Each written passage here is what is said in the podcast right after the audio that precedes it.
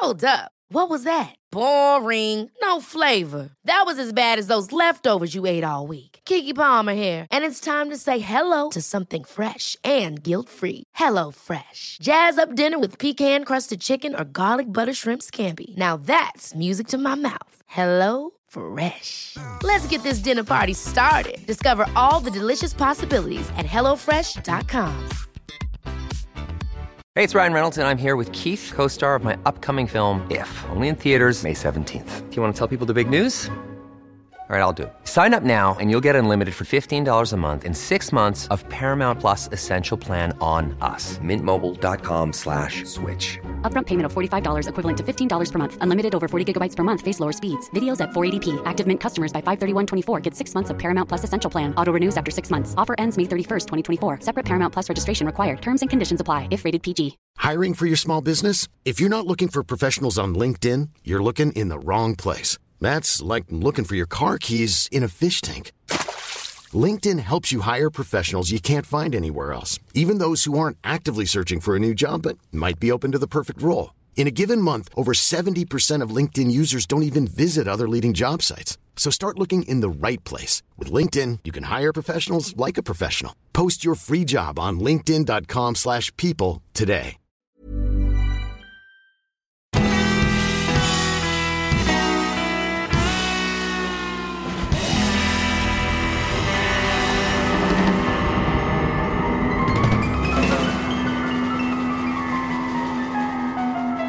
Hej allihopa och välkomna tillbaka till ett nytt avsnitt av Ståpäls med mig Lukas. Och med mig Ida. Ida. Ida. Eh, ja, hur är det med dig? Det är bra. Jag är lite trött. Jag hade ju migrän hela dagen igår. Ja, vi skulle egentligen Så- tränat då men Ja, nej, men det blev inte av. Men vi har tränat idag och det gick ju bra. Svettigt. Och så har jag fått, jag vet inte om man kallar det för vagel när det sitter där. Men det är en finne på vattenlinjen i, i, i mitt öga. Så det känns som jag har fått en smocka. det kanske du fick. Ja, Nej, jag smocka till mig själv. Jag vet inte. Ja, nej men... eh, Hur är det Ja. med dig då? Jo, det är väl bra tycker jag. Också svettig och trött efter träningspasset. Ja, men vi har bullar som vi ska Ja, fika vi har på. bullar. Jag bakade igår. Mm, lite försenad eh, kanelbullens dag typ. Ja. Så det ska bli gott. Ehm, Ska bara vänta på Kim. Ja, hon kommer snart hem. Eh, men annars är det väl bra tycker jag. Igår satt jag och skrev klart eh, det jag skulle berätta om idag. Ja, jag var ju faktiskt klar samma dag som jag började för en gångs skull. Ja, det är skönt. Jag gav mig satan på att jag skulle bli klar. Ja, jag tänkte också så i söndags tills klockan blev för mycket och jag bara nej, jag orkar inte. Det, jobbar med mig att min, mitt huvud blev så trött efter ett tag. Alltså jag känner ju inte det förrän jag är klar och liksom stänger ner och man typ är helt vimmelkantig. Jag och sen så får jag ju ont i eh, de här senorna i händerna. Och så på vänster så har jag ju en sån här ganglionknöl som kommer och går. Eh, och jag får ju ont i den bara för att jag håller på. Skriver. Jag kan inte jobba på kontor för då skulle, då skulle jag ha såna där ganglionknölar knölar hela tiden. Knälar. Knäljar. Knälar. Knäljar. Eh, ja, annars händer det inte så mycket.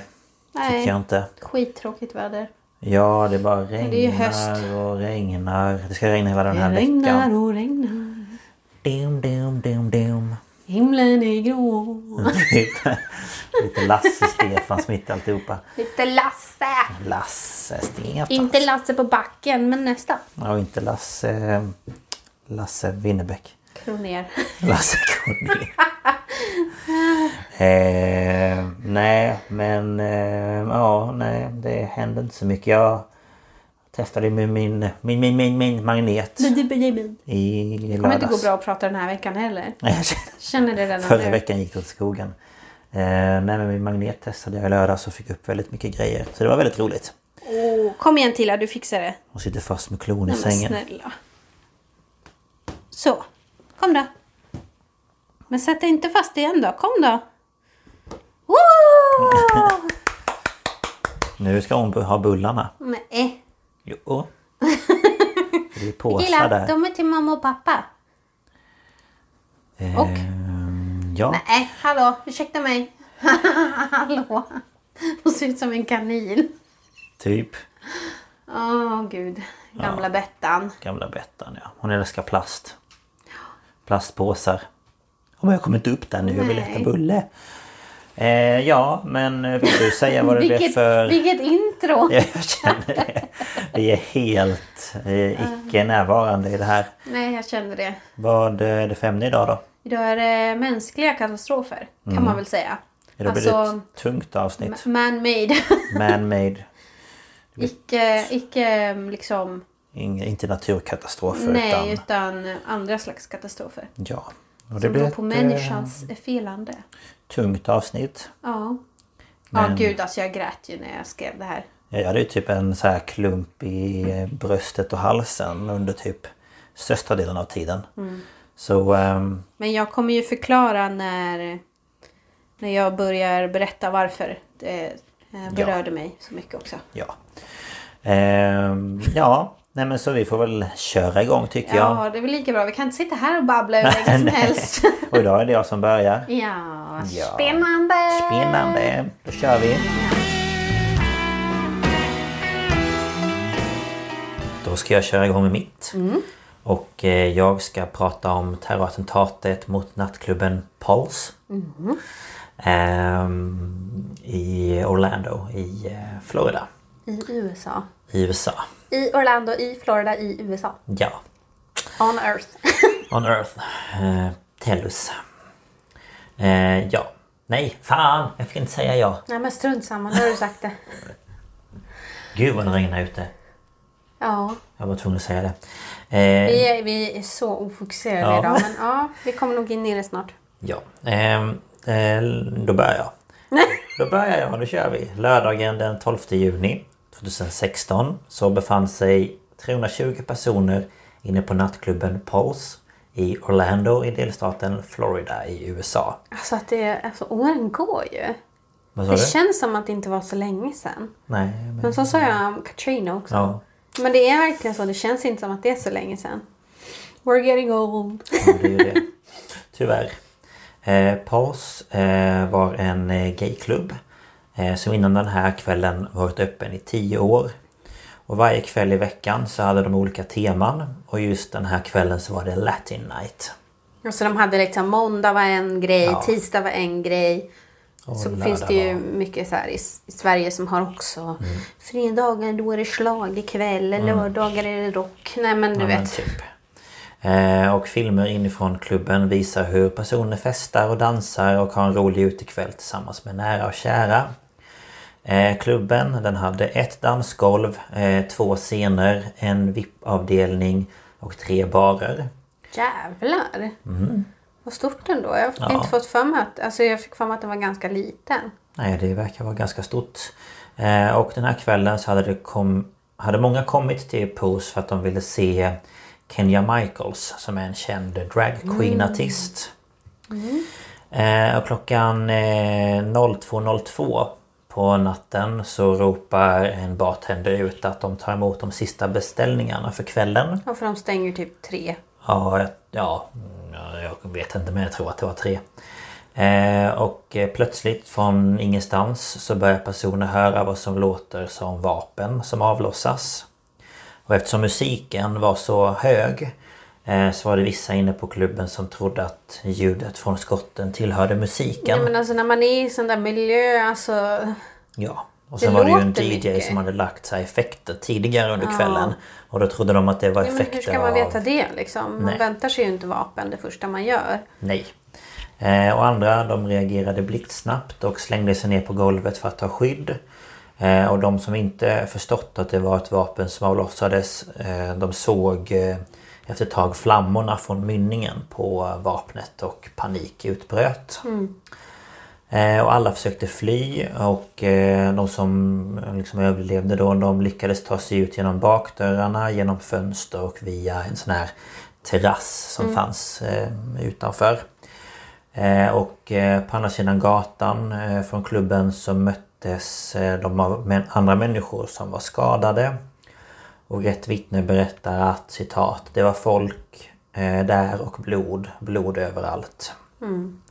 Eh, en annan person berättar Det blev ett kort uppehåll, uppehåll i skotten och jag och en kru- grupp. Och jag och en grupp vänner rusade upp Alltså, och jag skrattar djupt hittade- åt det Lukas pratar om men det är bara så roligt att ingen av oss någon gång kan läsa utan att staka oss eller utan att, att liksom man läser i förväg. Ja, och så blev det lä- fel. Herregud. Ja, nu tar jag citatet från början. Ja. Det blev ett kort uppehåll i skotten och jag och en grupp vänner rusade upp och hittade en utgång till terrassen och därifrån kunde vi ta oss ut. Jag bara sprang. Alla hade inte samma tur. Nej. Eh, Och arrangörerna skrev snabbt en varning på sin Facebook att alla skulle ta sig ut från Pulse och att de skulle fortsätta springa. Eh, vissa de hade gömt sig inne på toaletterna och andra rum inne på klubben. Och därifrån ringde man då eh, 911. Eh, och en polis som var i tjänst och stationerad vid klubben försökte besvara elden men blev själv beskjuten. Ja.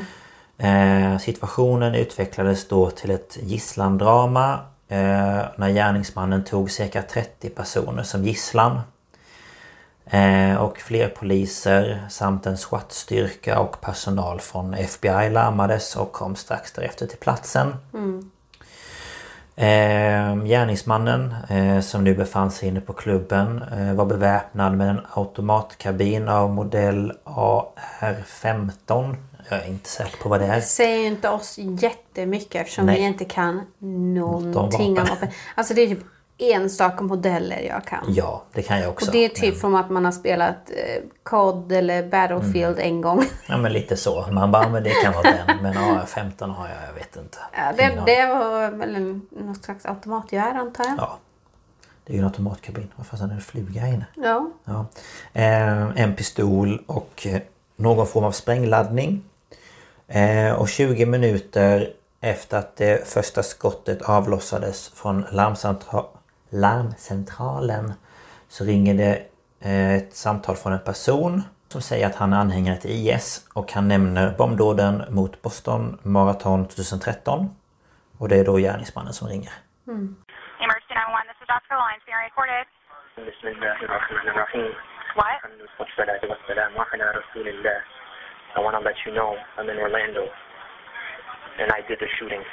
I pledge of allegiance to Abu Bakr al-Baghdadi of the Islamic State.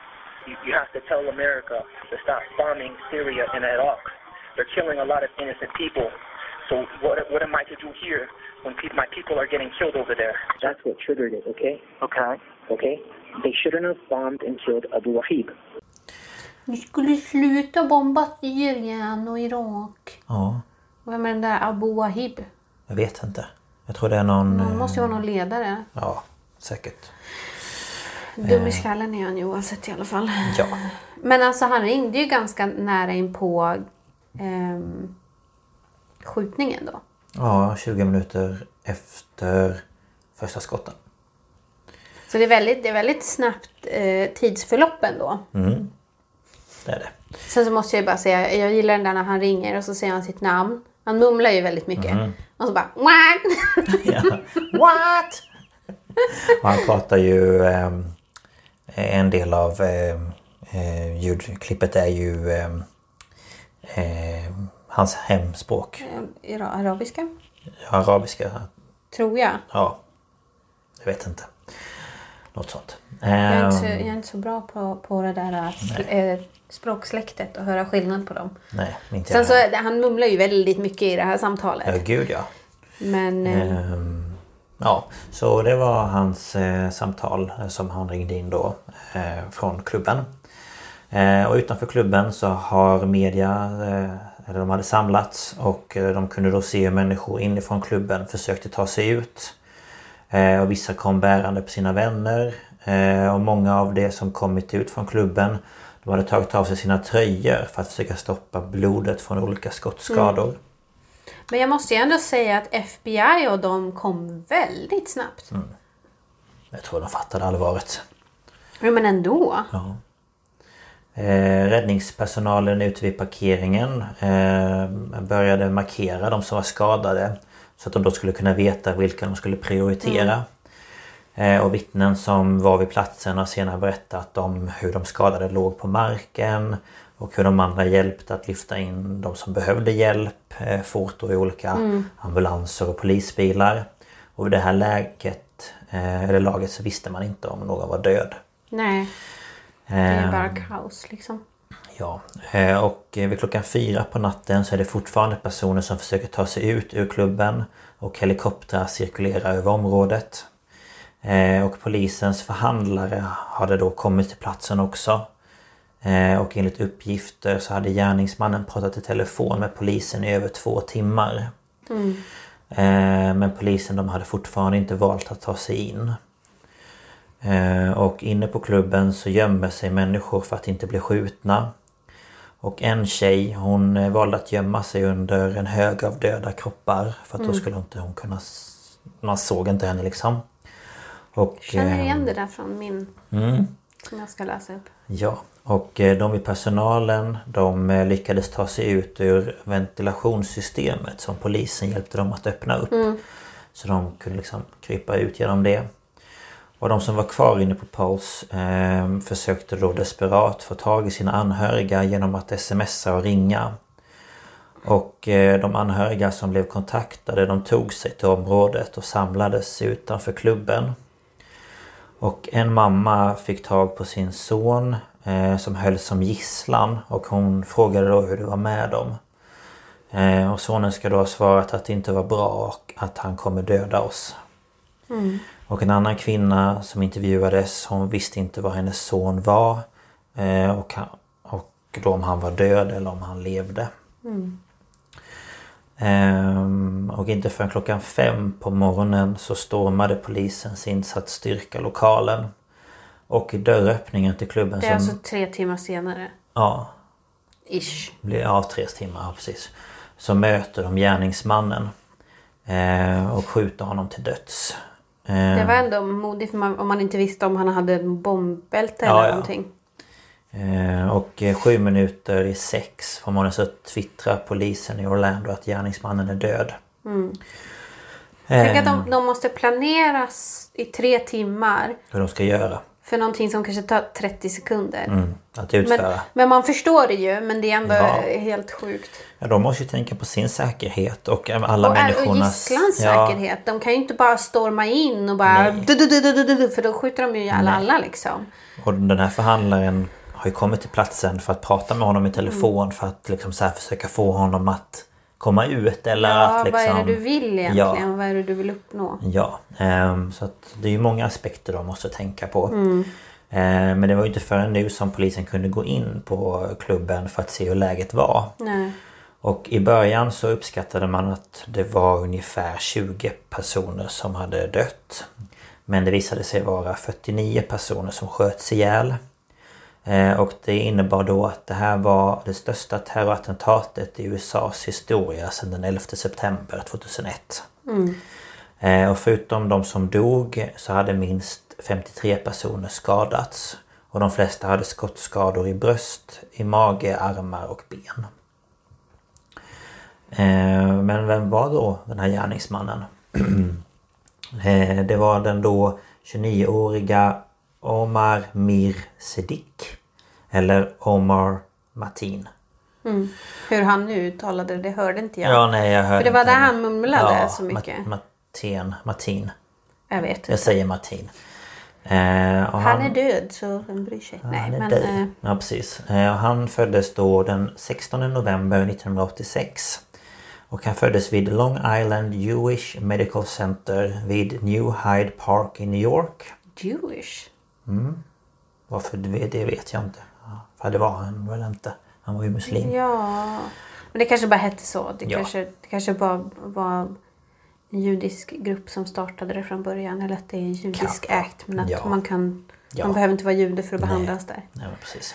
Det var ju väl jobbigt för dem då. Ja det var För de jobbigt. gillar ju inte judar. Nej. Vad jag vet. Nej det tror jag inte. De gillar ju inte någon uppenbarligen. Nej. Vissa muslimer. Ja, nej, Eller den. vissa människor. Inte vissa människor. ja. Hans pappa eh, som heter Mir Sedik Matin föddes i Er- Herat i Afghanistan. Men emigrerade till USA på 80-talet och blev amerikansk medborgare den 17 november 1989. Eh, Och eh, pappan han arbetade då och då som informatör för FBI mellan januari 2005 och juni 2016. Och han äger också ett ideellt företag som heter The Durand Jirga Inc. Och det grundades 2000, 2010 och där är han programledare för en... Jag kunde inte Slösat riktigt... sin fluga Jag mitt på skärmen. Jag vet inte riktigt hur man uttalar det här eller hur man översätter det så det är en political commentary show. Alltså de diskuterar politik. Ja, De reagerar på politik. ja precis. Eh, och företaget är baserat i Port St. Lucie. Lucie?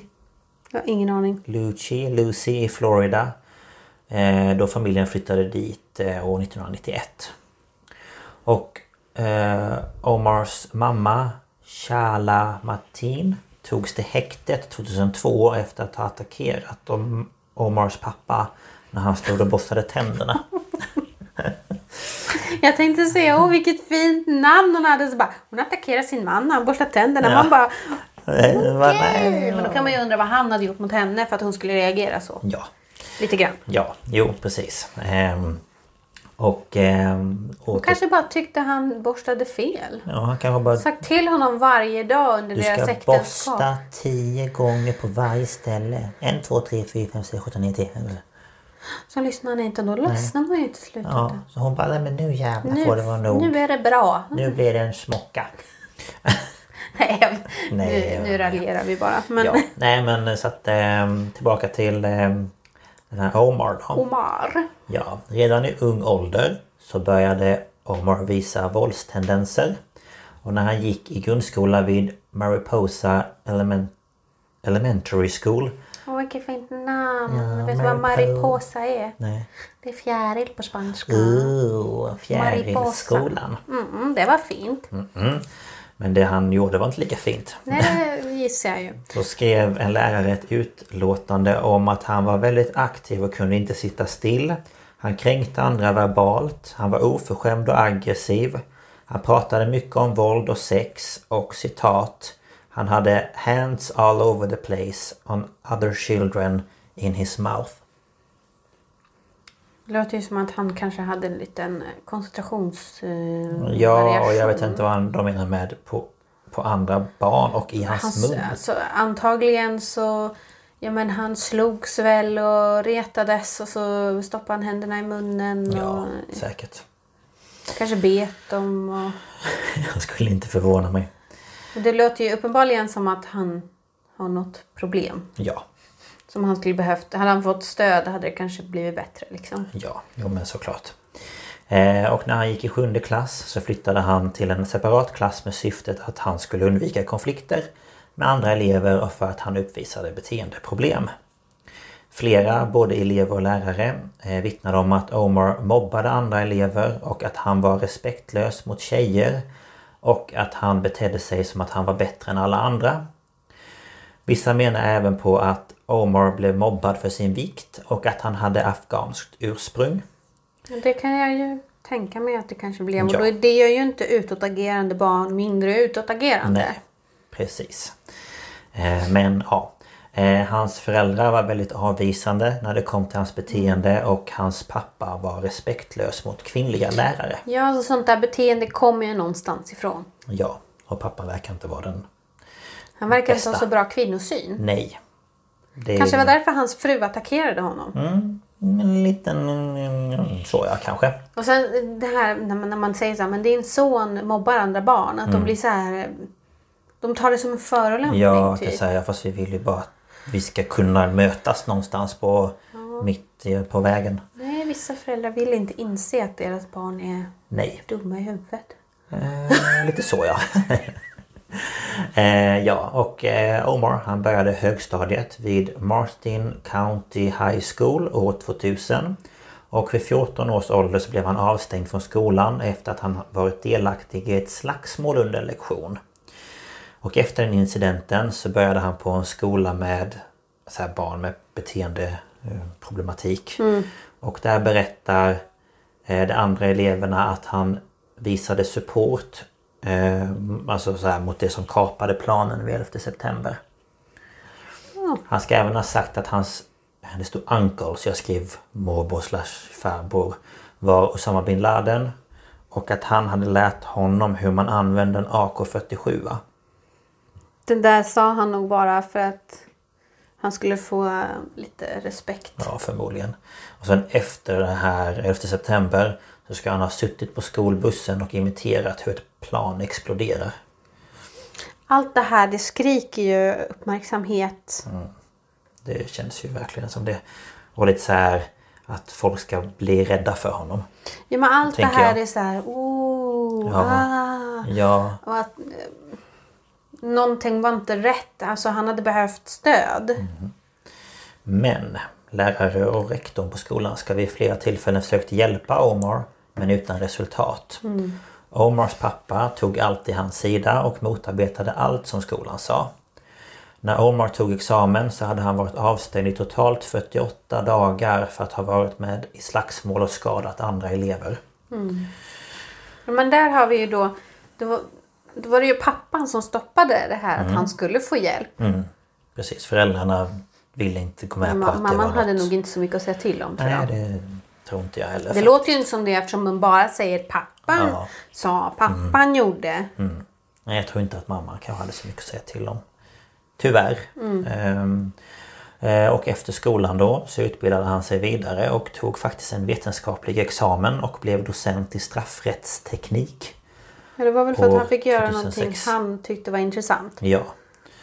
Eh, och utöver det då så eh, arbetade han i olika affärer och restauranger. Och sen så arbetade han för ett säkerhetsföretag vid namn G4S Secure Solutions. Mm, G4S. Ja, från september 2007 till Där hans jobbade död. ju mitt ex. Jaha. Det finns här i Sverige. Ja, det här är ju eh, eh, Engels, vad heter det? Storbritannien. Storbritannien baserat. Ja. Ehm, och det visade sig... Lalalala, det visade sig... Ska du sjunga upp nu? ja, lalalala. Ehm, det visade sig efter terrorattentatet att FBI haft koll på Omar sedan år 2013. Då han ska ha sagt underliga och aggressiva kommentarer till sina medarbetare. Och då misstänkte man att han hade kopplingar till någon terrororganisation. Ehm, FBI ska även senare år 2014 förhört Omar angående en amerikansk medborgare som genomfört ett självmordsattentat i Syrien. Men de kunde inte hitta några kopplingar till Nej. mellan de två liksom. Eh, Och efter attentatet på den här natt- nattklubben då så pratar Omars pappa med media och säger att attacken mot eh, klubben då inte hade något med religion att göra. Pappa menade dock på att Omar sett ett gaypar kyssa varandra framför Omars, Omar och hans familj månader innan attacken och det ska ha gjort honom arg. Fast enligt honom i SOS-samtalet så var det ju att de hade bombat Syrien och Irak. Precis. Och dödat den där uh, Wahib. Ja, men Så det var ju inget av det egentligen. Det var Nej. ju varken religion eller det där. Ja. Eh, men eh, ja, eh, han ville väl få fram det att det hade inte någonting med det att göra. Jo, det förstår man ju. Det, det, det är nog ett ständigt problem som många muslimer har. Att de måste försvara Ja, sin religion. Ja. Så det förstår jag ju. ja, såklart. Eh, och Omars exfru ska även efter attacken berättat för media att eh, under deras förhållande var Omar mentalt instabil och han brukade slå henne och hindra henne från att träffa sin familj. Och det är något som hans andra exfru även berättat hänt henne. Eh, Även en före detta medarbetare ska ha berättat att Omar ska ha uttryckt sig homofobiskt, rasistiskt och se- sexistiskt. Och att han ska ha pratat om att döda människor. Det var svårt att säga alla Ja, tre på ju- rad. Jag hörde hur svårt det var att säga alla tre på rad. Ja, det var jättesvårt. Tungan... Bla bla bla. Eh, och den här medarbetaren då ska även ha klagat till G4S flera gånger angående Omars beteende. Och många personer som kände Omar hade spekulerat i om han var homosexuell eller bisexuell. En före detta vän... Därför han skulle vara mm, så, anti då. För att han skulle bevisa att han inte var det. Ja. menar de.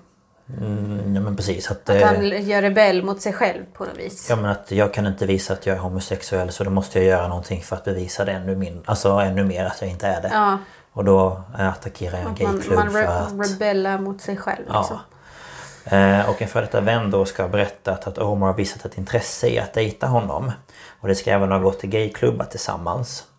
Eh, Omar ska även ha frågat en klasskompis om han var homosexuell. Och efter skjutningen på Pulse så ska minst fem personer sett Omar på klubben vid minst ett dussin tillfällen. Ett vittne som stötte på Omar utanför klubben en timme innan attacken berättade för polisen att Omar skickat meddelanden via en datingapp vid namn Jacked. Ehm, ett tredje vittne berättar att den då hade sett Omar försöka plocka upp män utanför klubben. Dock så var det flera andra vittnen som aldrig sett honom vid eller inne på Pulse. Ja, men alltså man kan ju inte se alla Nej, heller. Så jag har ett hårstrå i min mun. vad trevligt. Eh, Omars pappa trodde inte på att han var homosexuell Men det är väl klart. och uttryckte att om han var det, varför skulle han då göra något sånt här? För att hans pappa antagligen inte skulle gilla att han var det. Nej. Och Omars exfru berättade dock att Omars pappa sagt att han var gay framför henne. Alltså att Omar var gay. När media frågade henne vad hon trodde ska hon ha svarat att hon inte visste. Alltså om han var... Då kan man ju börja undra om hela det här var kanske för att han inte... Alltså att han frågade så många och att han bara blev nekad. Att det var någon sån här... äh, Ingen vill ha mig, då ska ingen ha någon, typ. Och så säger han bara att det var de där bombningarna för han kan inte säga Det var för att ingen gay kille ville ha mig. Nej. Nej Alltså- Det är svårt att veta och man kan ju tyvärr inte förhöra honom. Nej. Ehm, Men FBI de hittade dock inga kopplingar till att Omar var homosexuell eller att han använt sig av några datingappar för att träffa män. Och polisen hade då gått igenom alla hans internetsökningar, alla hans e-mails och annan el- elektronisk data. Men inget där visade heller på något. Eh, Det FBI hittade var dock att Omar varit otrogen med, sina, med sin fru med andra kvinnor. Det kunde de se. Jag försökte väl eh, överkompensera. Ja. Jag är manlig, jag gillar kvinnor. Jag... Jag menar att Jag vill inte visa det var en jag... konflikt med sig själv. Ja. Det tror jag nog många som har kommit ut som vuxna och sådär kan, kan känna igen. Mm. Både, både män och kvinnor och icke-binära och allt. Ja, gud ja. Att, man, att man liksom gör allt mot det man egentligen känner. Förstår vad jag menar? Ja, jo men precis. Man försöker liksom mota Som, bort det. som en människa som, som gör allt för att vara stark och inte visa sig sårbar. Mm. Då överkompenserar man och bara blir jättekall och hård istället. Ja, ja. Fast man egentligen inte är det. Nej. Liksom att det blir... Ja men man skjuter ifrån sig. Ja. Och det är svårt att själv acceptera. Och då, då här, men jag är inte gay, kolla jag ligger med massa tjejer. Man bara, du kan ju vara gay ändå. Mm. Ja. Alltså, Precis. Det kan man. Ehm, kan kan man men det är inte rätt. Nej, jag skojar. Ida. Jag skojar.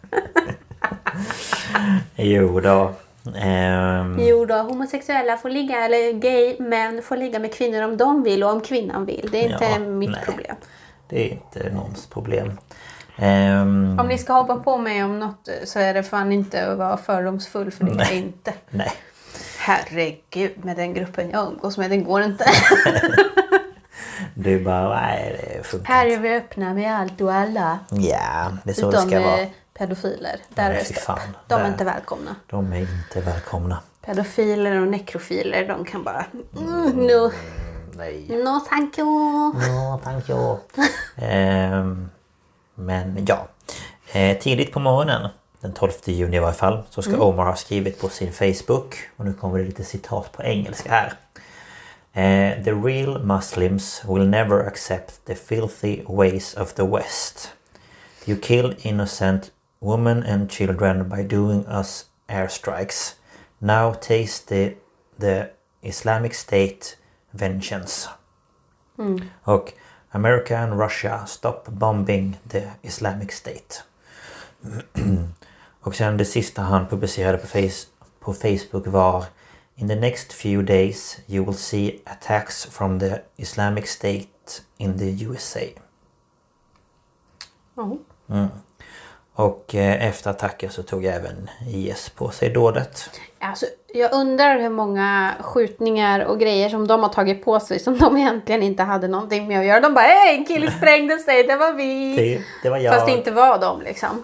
Nej, alltså... Jag tror att eh, vissa saker har de ju tagit på sig sen i efterhand så har de sagt att nej men det var inte vi.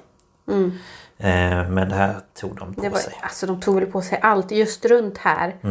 Eh, typ från 13 till 18, Ja. 19 där. Så tog de ju på sig typ allt. Det var för att de skulle skrämmas. Ja, Men sen åkte de på däng så då fick de dra sig tillbaka lite. ja, det fick de göra.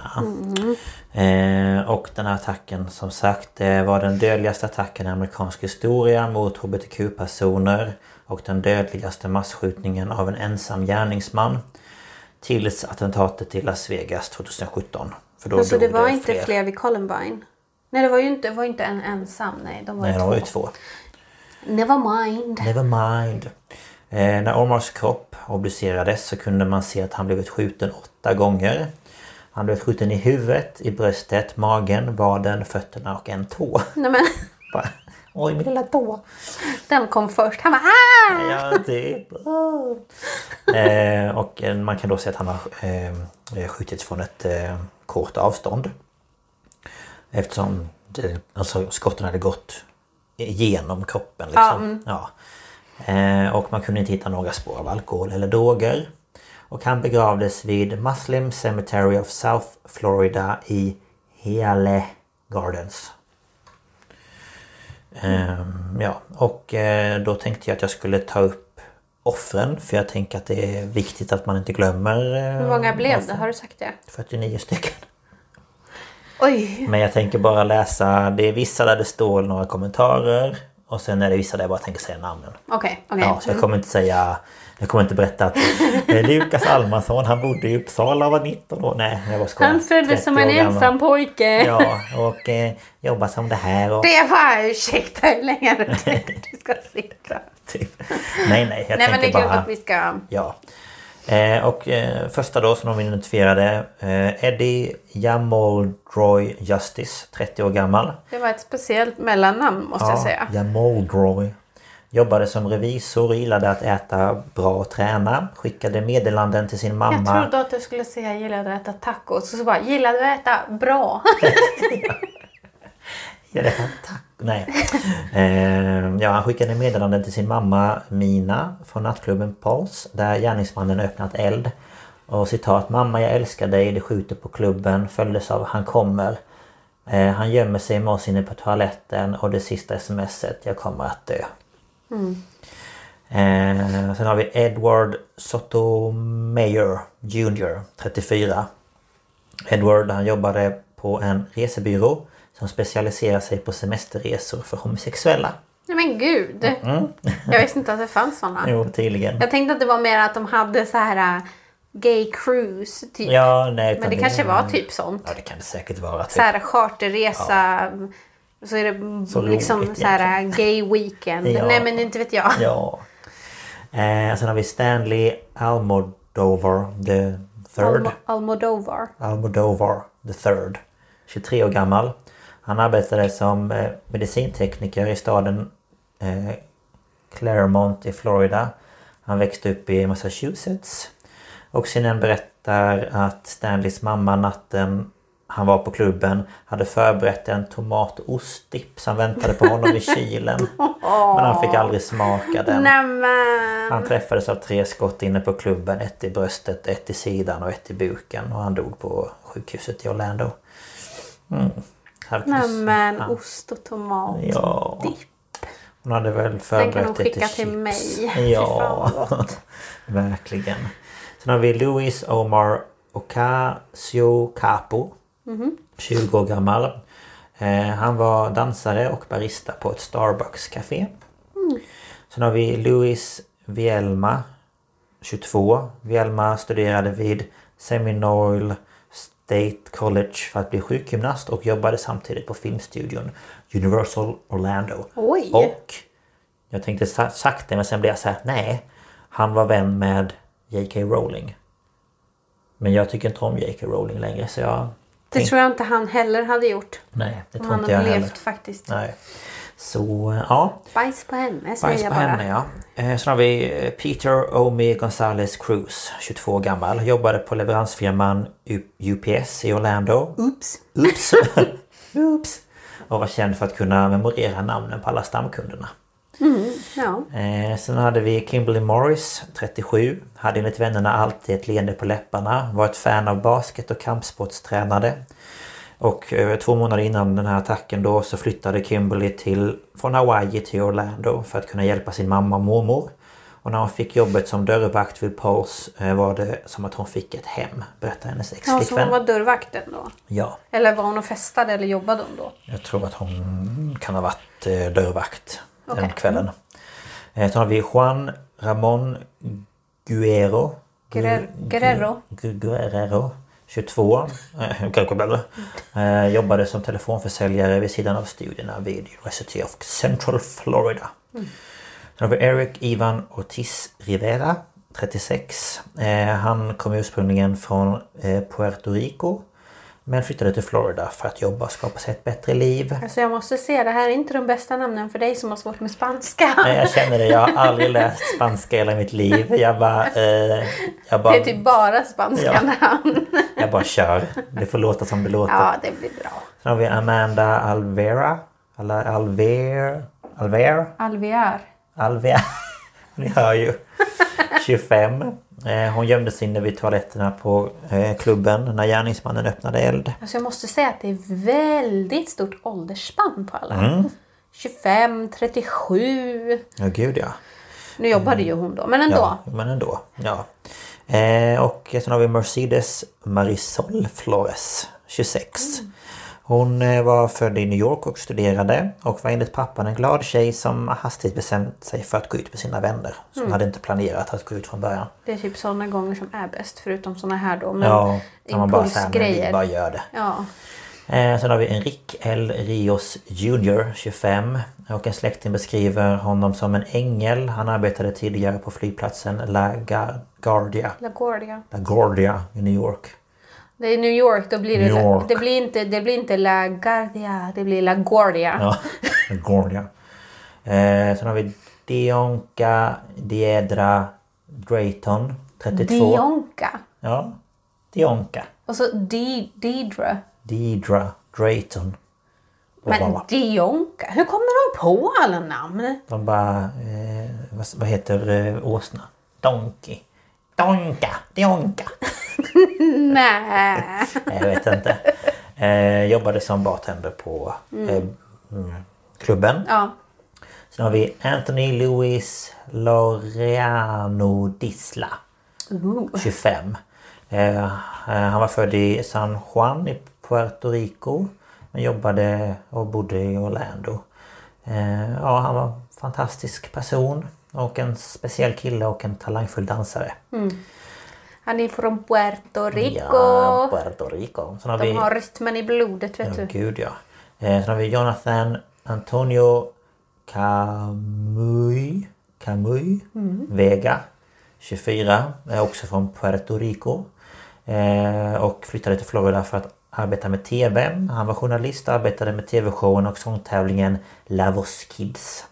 På Telemundo i station i San Juan. Ja, alltså The Voice Kids. Ja, precis. Visst är Puerto Rico ett sånt här US territory? Jag har för mig det. Ja, det är det kanske. Ja. Jag tror att det är därför det är så många som flyttar därifrån till Florida. Dels för att det inte är så långt och sen att det är ett US Ja, territory. men såklart. Smart. Ibland så slår Ibland det till. så slår det till. Sen har vi Miguel, Angel, Angel.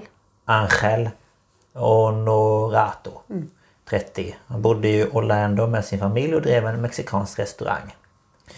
Sen har vi Jason Benjamin A. Josafat. Josafat. Det där kändes inte spanskt. Jag lägger Nej, i. 19.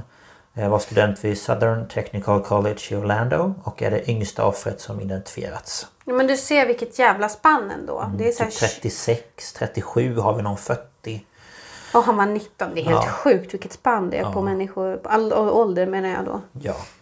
Eh, och här har vi Corey James Connell 21. Eh, och jag Det vet, lät som att han hette Cora James Connell 21. nej, Corey James Connell 21 år gammal. Ja. Och eh, antar att den, han var typ bi eller någonting. För han lämnade klubben med sin flickvän när skytten gick in. Eh, berättar då familjen. Mm. Flickvännen överlevde attacken men inte eh, Corey. Så de var liksom på väg ut alltså? Ja. Ehm, Så att han dog där inne. Sen har vi lite namn här. Jag säger bara förnamnet. Då har vi Juan 37. Louis eh, 39. Shane 33 menar jag. Jag var 30. Eh, Juan Jag blir 25. nog bara glad om du säger 30 istället Ja. för 33. Eh, Gerald 31. Leroy 25. Javier 40. Javier. Javier. Javier. Javier. Joel 32. Jean- Sean 35. Frankie 50. Oj! Jag bara oj. Han kanske jobbade där då. Det känns som att de som är lite äldre var de som jobbade där. Så kan det vara. Eller så älskar han bara att vara där. Ja, det var ju liksom... Jag eh, dömer inte. Nej, gud nej. Har vi Martin. Festa tills man dör höll jag på att säga. Tills benen trillar av. Det man... gjorde ju de om man säger så. Ja, nu menade ju inte jag så. Jag menade mer att tills man blir, Ja, tills dör man- av naturliga ja, skäl. Ja, jag förstod. Eh, så har vi Martin 33. Louis eh, 37. Xavier. Javier. Xavier 35. Gilberto 25. Oh, Gilberto, det gillade jag. Ja, Det var, Simon. det var, mm, Gilberto. Gilberto. Typ. Simon 31. Oscar 26. Enrique 25. Daryl 29. Alejandro 21. Tevin 25. Juan... Sean. Vad säger jag? Juan? Ja, Sean. Det går inte bra för dig när det är namn från olika slags språk här. 27. Rudolph. Rudolph. Rodolfo. Rudolph. Rudolph. Han heter Rodolfo Ayala Ayala. 33. Brenda 49. Gilmar... Gilmary? I don't know. 24. Christopher 32. Angel 28. Frank 27. Paul 41. Antonio 29. Christopher 24. Akiria 18. Men den andra var ju 19. Ja, han var det yngsta offret. Vad har du skrivit för info egentligen? Det här har jag tagit från en sida där de hade listat upp alla som hade dött. Jaha. Ja, du. Nej det vet jag inte. Ja, ja. Sen eh, Geraldo 25. Så det var de som... Som sagt, vilket jävla åldersspann. Ja, åldersspann och eh, många, många, många Ja. eh, som dog tyvärr. Hemskt nog. Eh, ja, Usch. Det var det, Det var jag tragiskt. hade Det att här kommer jag ihåg. Det kommer jag det också hände. ihåg väldigt väl. Ehm, ja, nej det är tråkigt. Mycket hemskt. Ja. Ehm, Det är ju också jobbigt när det är så oklart varför, Varför? man valde just det stället. Han kunde ju ha valt vilken klubb som helst. Var Mm. det då riktat till HBTQ-personer. eller var det bara att han, det var dit han brukade gå så då gick han dit? Mm. Ja, det är ju jättesvårt att veta. Och då, då dras ju jag till den här teorin att han vart nobbad Ja. av någon där och tänkte Mm. nej nu jävlar. ja, det är så Eller att liksom att han fick höra att alla kände sig så hemma där och han gjorde inte det och då blev han liksom Ja, men såklart. ledsen. Jag vet inte. Nej, man önskar att man kunde förhört honom innan han dog. Får åka dit med spiritboxen. Det har ju Omar, eh, Omar Gosh, har ju varit där utanför. Omar Omar. Ja. Men det, det är en, det är en snubbe på Youtube som heter Omar. Jag vet inte vad han heter i efternamn. Det vet inte jag heller, men han gör Han är ju fall- kuban i alla fall. Ja. Det vet jag. Och han gör ju eh, paranorm- paranormala utredningar på olika ställen. Och han åkte till eh, den här klubben då för något år sedan. Det har inte Och jag gjorde, sett. jo, det har jag sett. Och gjorde en spirit box för att han ville försöka få tag i, Den är stängd nu alltså. Den har inte återöppnat. Inte vad jag vet, men det är ingen information som jag, men den här liksom själva Pulse, alltså den klubben Mm. var liksom tio år innan det här attentatet och sen samma dag så la de ju ner verksamheten. Sen har det Mm. Så varit, det är ingenting i den lokalen nu eller vadå? Eller är det bara att de inte är där? Alltså jag har ju svårt att tänka mig att någon skulle vilja ha någonting i den lokalen. Men jag Alltså, vet inte. Det kan ju vara att man vill så här återta lokalen. Ja, liksom. såklart. Men eh, det är ingenting jag vet. Jag har inte kollat upp Nej. det så jag är osäker. Men... Vet inte om eh, det var något de hade sagt i dokumentären eller så. Nej. Och just det, jag ska säga det också, mina källor. Jag har lyssnat på P3 Dokumentär, som hade en nyhetsspecial. Sen kollade jag på en liten kort eh, dokumentär på eh, Youtube. Som typ hette eh, 2020 eh, Pulse Shooting någonting. Och sen har jag kollat... 2020. Ja, Det, alltså den, det är ju en eh, nyhetskanal som har det här 2020. Jaha. Det tog jag ju när Jag vi... alltså, det var ju inte i år det hände. Ja, nej men det heter 20 och sen bindestreck 20.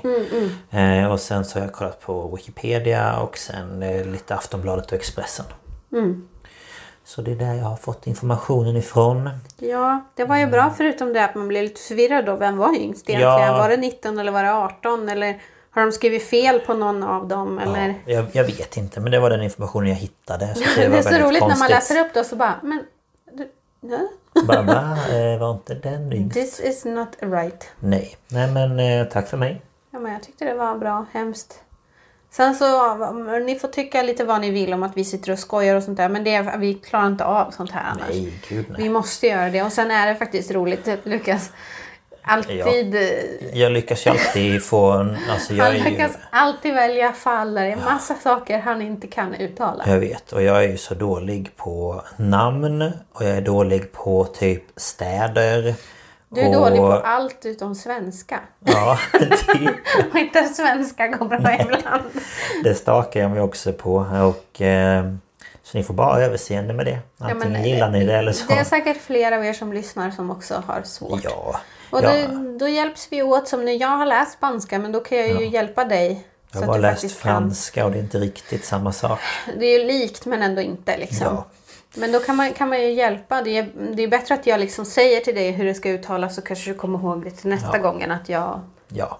Och jag tar inte illa vid mig utan jag vet att jag är Så värdelös på tänker det. jag att de kommer mer fram till rätta om man, Ja. om man försöker. Ja. Men, ja, tack för den där. Ja, varsågod för den där. Nu ska vi ta en liten eh, colapaus och så kommer vi Mhm. tillbaka med mitt fall. Mycket spännande. Ja, Ja.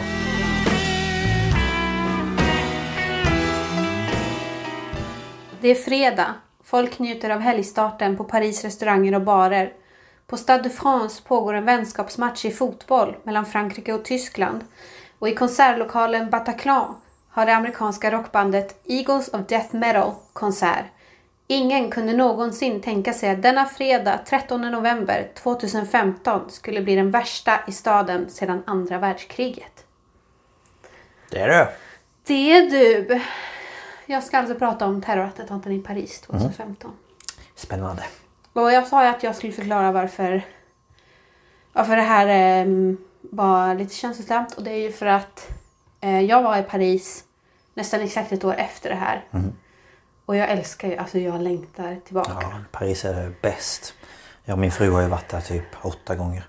Ja, jag har bara varit där en gång men alltså det hänger liksom kvar. Det är någonting som bara... Det är något speciellt med den stan. Ja, och sen just att jag var där ett år efter och man märkte ju ändå efterspel fortfarande. Och sen faktiskt, det tar jag inte upp idag men jag tänkte bara säga det att vi var ju på den här stora julmarknaden. Eh, vid änden av Champs-Élysées. Jag vet inte vad platsen heter. Är inte det vid eh, Concorde? Nej det kanske inte.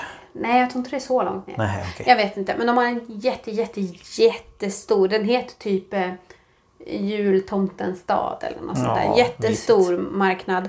Eh, och vi var ju där då i slutet på november. Och i december så var det en som körde en bil rätt in där. Ja. I marknaden. Ja. Så att, eh, nej men det ligger nära. Ehm, så jag tänkte att jag skulle ta det. Fram, framförallt så var det att jag tänkte att jag skulle ta det för att vi båda skulle ha skjutningar. Men så insåg jag ju att det, det är så mycket mer. Ja. Men jag tänkte nu, nu kör jag. Ja. Men det var väldigt... Ja, det var någonting med P- jag lyssnade på P3 Dokumentär. Ja. Och det var någonting där. Jag satt på tåget hem när vi hade bestämt vad vi skulle prata Ja, om. just ja. ja och Och alltså jag satt där och typ kämpade för att inte börja gråta över folk kommer ju kolla konstigt på mig. Sitter här med hörlurar och grinar liksom. Ja, men det är ju fruktansvärt. Ja, fy fan. Men det är väl lika bra jag börjar för det här Ja. kommer nog bli eh, långt. If you're looking for plump lips that last, you need to know about Juvederm lip fillers. With Juvederm Volbella XC and Juvederm Ultra XC, your lip look, whether it's subtle or bold, can last up to one full year with optimal treatment and no additional maintenance. Find a licensed specialist and see if it's right for you at juvederm.com today. That's J U V E D E R M.com. Add fullness to lips in adults over 21 with Juvederm Volbella XC or Juvederm Ultra XC. Do not use if you have severe allergies or a history of severe allergic reactions, or if you're allergic to lidocaine or the proteins used in Juvederm. Tell your doctor if you have a history of scarring or taking medicines that decrease the body's immune response or that can prolong bleeding. Common side effects include injection site redness, swelling, pain, tenderness, firmness, lumps, bumps, bruising, discoloration, or itching. As with all fillers, there's a rare risk of unintentional injection into a blood vessel, which can cause vision abnormalities, blindness, stroke, temporary scabs, or scarring. For full important safety information, visit juvederm.com. Hold up. What was that? Boring. No flavor. That was as bad as those leftovers you ate all week. Kiki Palmer here, and it's time to say hello to something fresh and guilt-free. Hello Fresh. Jazz up dinner with pecan-crusted chicken or garlic butter shrimp scampi. Now that's music to my mouth. Hello Fresh. Let's get this dinner party started. Discover all the delicious possibilities at hellofresh.com.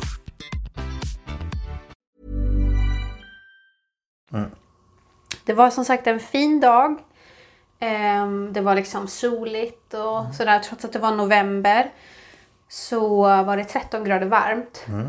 Eh, så folk njöt ju. Alltså, det var ju liknande när vi var där. Och man- alla satt ju ute. Ja, det ja. var ju såna här terrassvärmare och så. Men man kunde sitta ute i någon tunn jacka. Och Brasserier.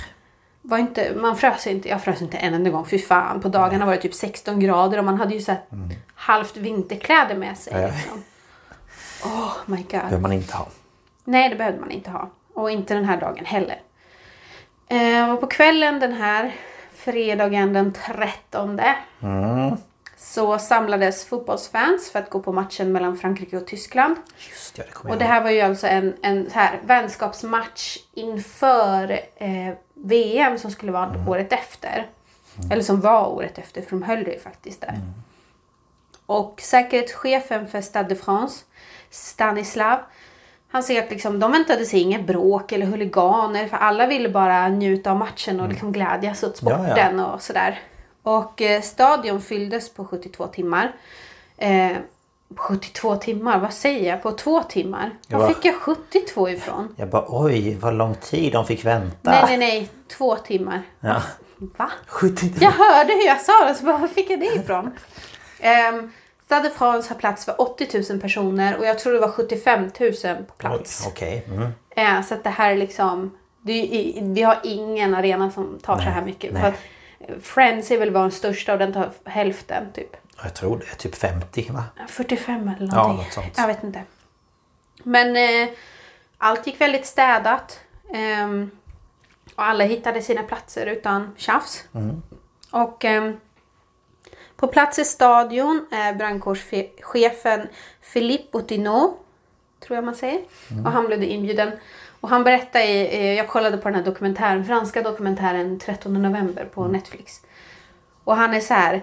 Alltså jag gillar ju egentligen, han var, berättade var han var ifrån och där gillar vi ju egentligen rugby men äh, jag gick ändå. Ja. och så är inrikesminister Bernard Cazeneuve, tror jag man säger. Och president François Hollande är på plats. Eh, matchen inleds 21.00 med att hela arenan sjunger nationalsången.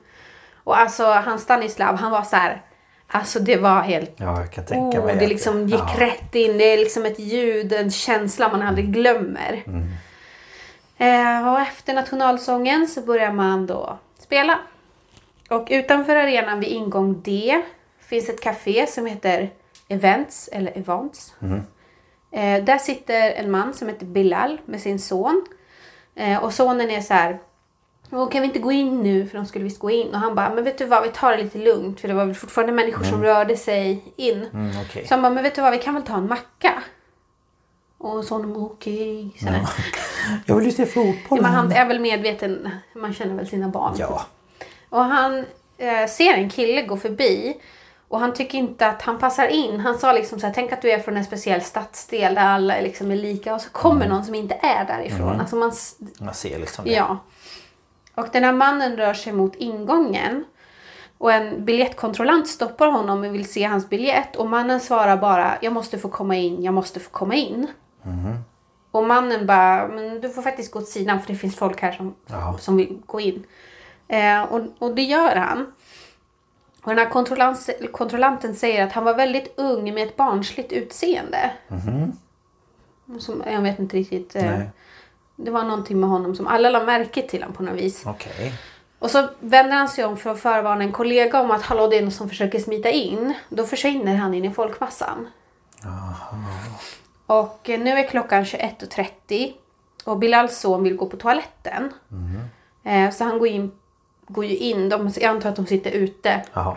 Och så går han in då för att låna toaletten och då ser Bilal samma man som han såg tidigare och så går han in på kaféet. Och sen smäller det. Ehm, explosionen hörs inne på stadion. Jag har sett klipp Ja. ifrån eh, tv-sändningarna att eh, spelarna så stannar upp och bara tittar sig omkring. liksom? Men så fortsätter de att spela. Eh, och Bilal han går direkt till eh, kaféets toalett för att hitta sin son men han är inte där. Och han går då liksom i någon sån här panikmode till där mannen sprängde sig för att han letar då i splittret efter liksom tyg Någonting. eller Ja. vad som helst som visar vad hans son är.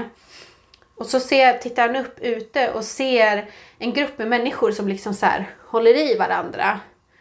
Och bland annat då en 13-årig pojke som är helt traumatiserad. Han är helt borta liksom. Och Bilal ser det här och han liksom slår ut armarna och gråter när han ser det och liksom sådär. Och då springer hans son fram till honom och kramar om honom. Så han hade klarat sig. Ja, han hade klarat Okej. sig. Ja. Och då samtidigt så får larmtjänsten samtal om explosionen. Och då tror man att det är typ en gasexplosion. Mm, Okej. Ja. Ehm, Men den hörs på väldigt stort avstånd så folk blir lite oroliga. Ehm, sen hörs ännu en explosion inne på Stade de France. Och eh, den här eh, chefen för brandkåren går då ut från stadion. Och Boutineau.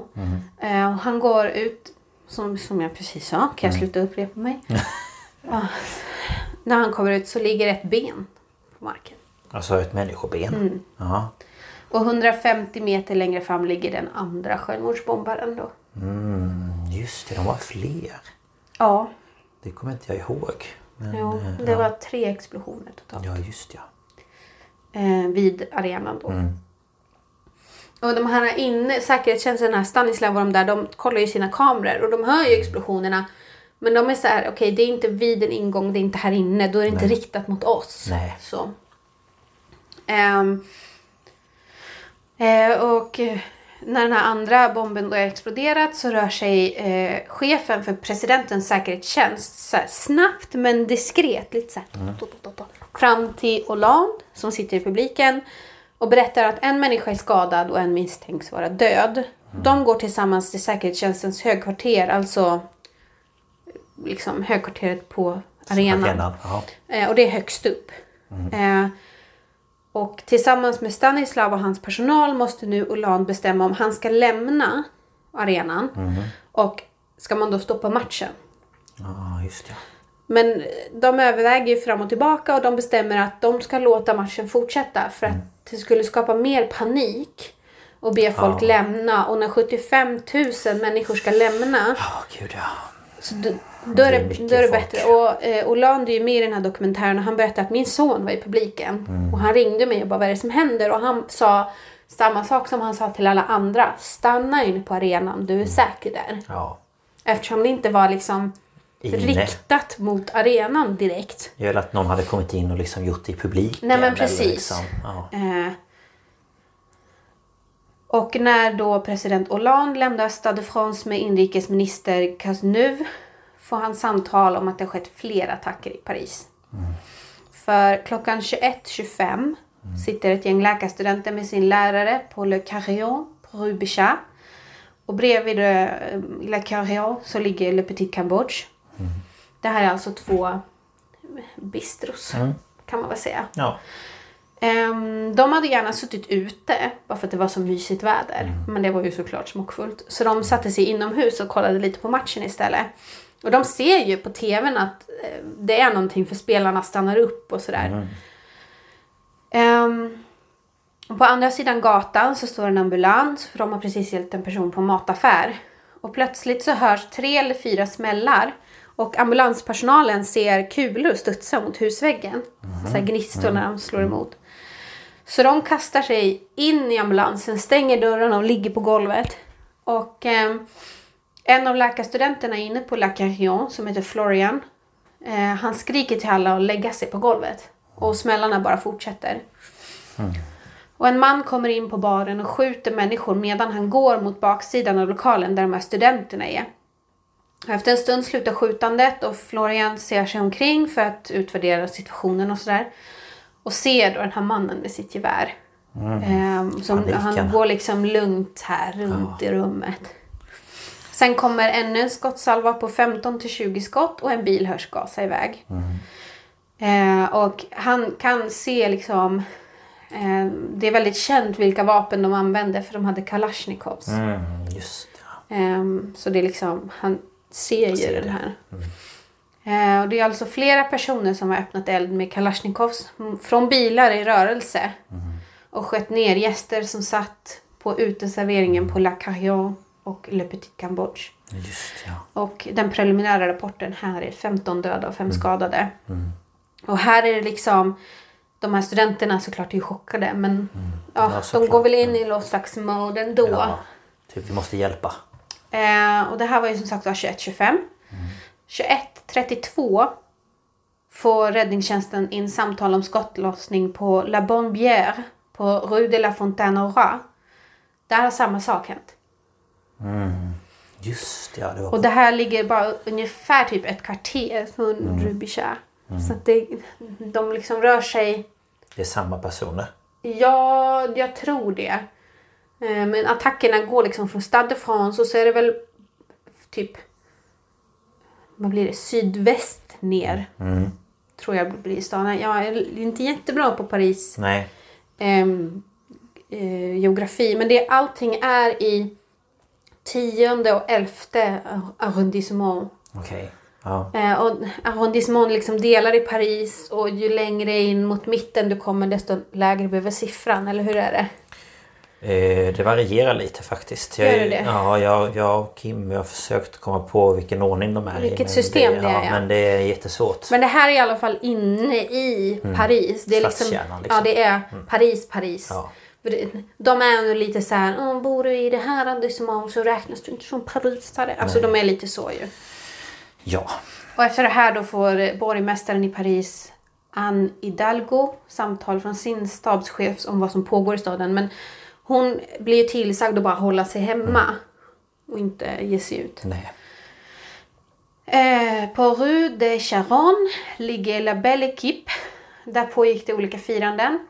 Det var liksom födelsedagen, någon hade fått något nytt jobbkontrakt och det var någon som skulle sluta på sitt jobb så det var avskedsfest och sådär. Och klockan är 21.36.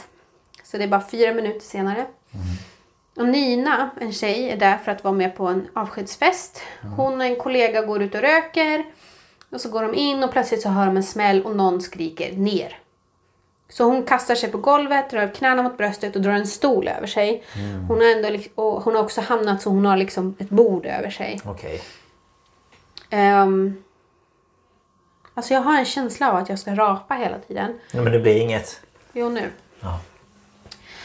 Ägaren Gregory, eller Gregory, Gregory. som egentligen skulle ha gått för länge sen men han stannat för det var så himla god stämning. Eh, för att han ska hem till sin dotter som väntar. Men han är så här, han har jättesvårt att slita sig. Ja. Liksom, det är så härligt. Eh, han hör hur glas faller till golvet och går ut i lokalen för att se vad som händer.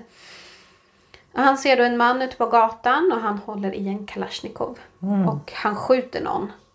Så Gregory slänger sig på golvet tillsammans med sina gäster.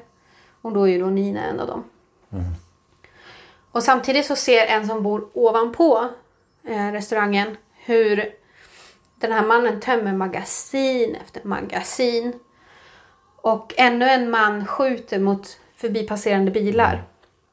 Och han ser en tredje man som går in bakom staketet till restaurangen och så hör han liksom BAM! BAM! BAM! Så här. Så man fattar ju vad den mannen gör. Och han är, är väldigt snabb. För att när de här rör sig ut på gatan igen tar han fyra bilder. Så man får bild på bilen och de här männen. Jaha. Ehm, och sen så åker ju de. Och här är ett citat från Gregory. Ehm, för han är ju intervjuad i den här dokumentären. Jag hoppas att Jamila är på toaletten och inte där ute. Sen tänker jag, jag måste gå, för om de dödar alla här inne så dör du också. Och du har en liten flicka där hemma. Hennes mamma kanske är där ute. Antingen blir du skjuten där ute eller här inne, som en hund på golvet. Jag ställer mig upp. Jag går på folk. Min överlevnadsinstinkt tar över. Jag tänker bara på min dotter och på Jam ute på uteserveringen. Jag går till uteserveringen och jag märker att de har slutat skjuta. De väntar väl inte på fler offer. Jag går ut på uteserveringen och ni kan tänka er vad jag får se där. Och naturligtvis, jag minns att jag ser en vän som ligger där, död. Det ser man på honom. Det är så overkligt. Jag letar förstås efter Jam och sen, det räcker. Jag har skrivit om det. Han har skrivit en bok och Okej. Jamila klarade sig inte. Nej okej. Var det frun eller dottern? Nej, det är frun. Frun, Eller flickvän. Det är hans dotters mamma i alla fall. Okej, ja. Eh, och han har skrivit en bok om hela de här händelserna. Så han är så här... Ja, han, jag tror det är det att han inte vill gråta på kamera. Ja men såklart. Eh, 21 dog på platsen. Och La Belle Equipe hade 28 platser. Så det var typ nästan alla. Nina då? Hon klarar sig. Klarar sig. Eftersom hon är med i Ja dokumentären. det. Jag bara Nina då? Men då är det ju alltså än så länge så är det ju 21 plus 15 på restaurangerna. Mm. Och sen är det de som är på arenan men det vet man kanske inte ännu. Jag kommer, jag Ja. läser upp i slutet sen. Eh, räddningstjänsten är nu helt nedringd av människor som berättar om skottlossningarna. Och de är så här... eh, Man fick höra ett samtal där det är någon som ringer och bara "Ah, det, de har skjutit på den här gatan. Va? Var det inte på den här gatan? Nej, va? Det var ju på den här gatan. Alltså, Ja, de vet liksom inte. Nej men de är så här, men herregud det var ju på den gatan. Har de sagt fel? Ja. Och så inser de att det är på flera bå- olika. På båda gatorna. Nu går vi till 21 och 39. Mm, tre minuter efter. Eh, ja det blir det väl. Du är bättre, du kommer ihåg. Nej, 21 32. Nej, jag sa 21 36 på Epic. Ja. Equipe. Eh, på Boulevard Voltaire ligger Comptoir Voltaire. Och där sitter Vincent när han ser en man komma in. Han tänker att mannen ser normal ut, väldigt välvårdad. Så här, att han hade varit hos frissan typ. Ja, ja. Men mannen liksom stannar och så vänder han sig om väldigt sakta. Och han säger att han har en blick som är mål, målmedveten och full av hat. Eh, och en servitris går mot mannen. För men hon ska väl säga hej, vad kan jag hjälpa dig med? Och då kommer en vit blixt. Eh, som är frukta- och ett fruktansvärt högt ljud, öronbedövande ljud. Ehm, och han hör ingenting efter den här smällen. Det är Nej. väl liksom sådär. Men han ser liksom hur det så flyger tygbitar och bomull i luften.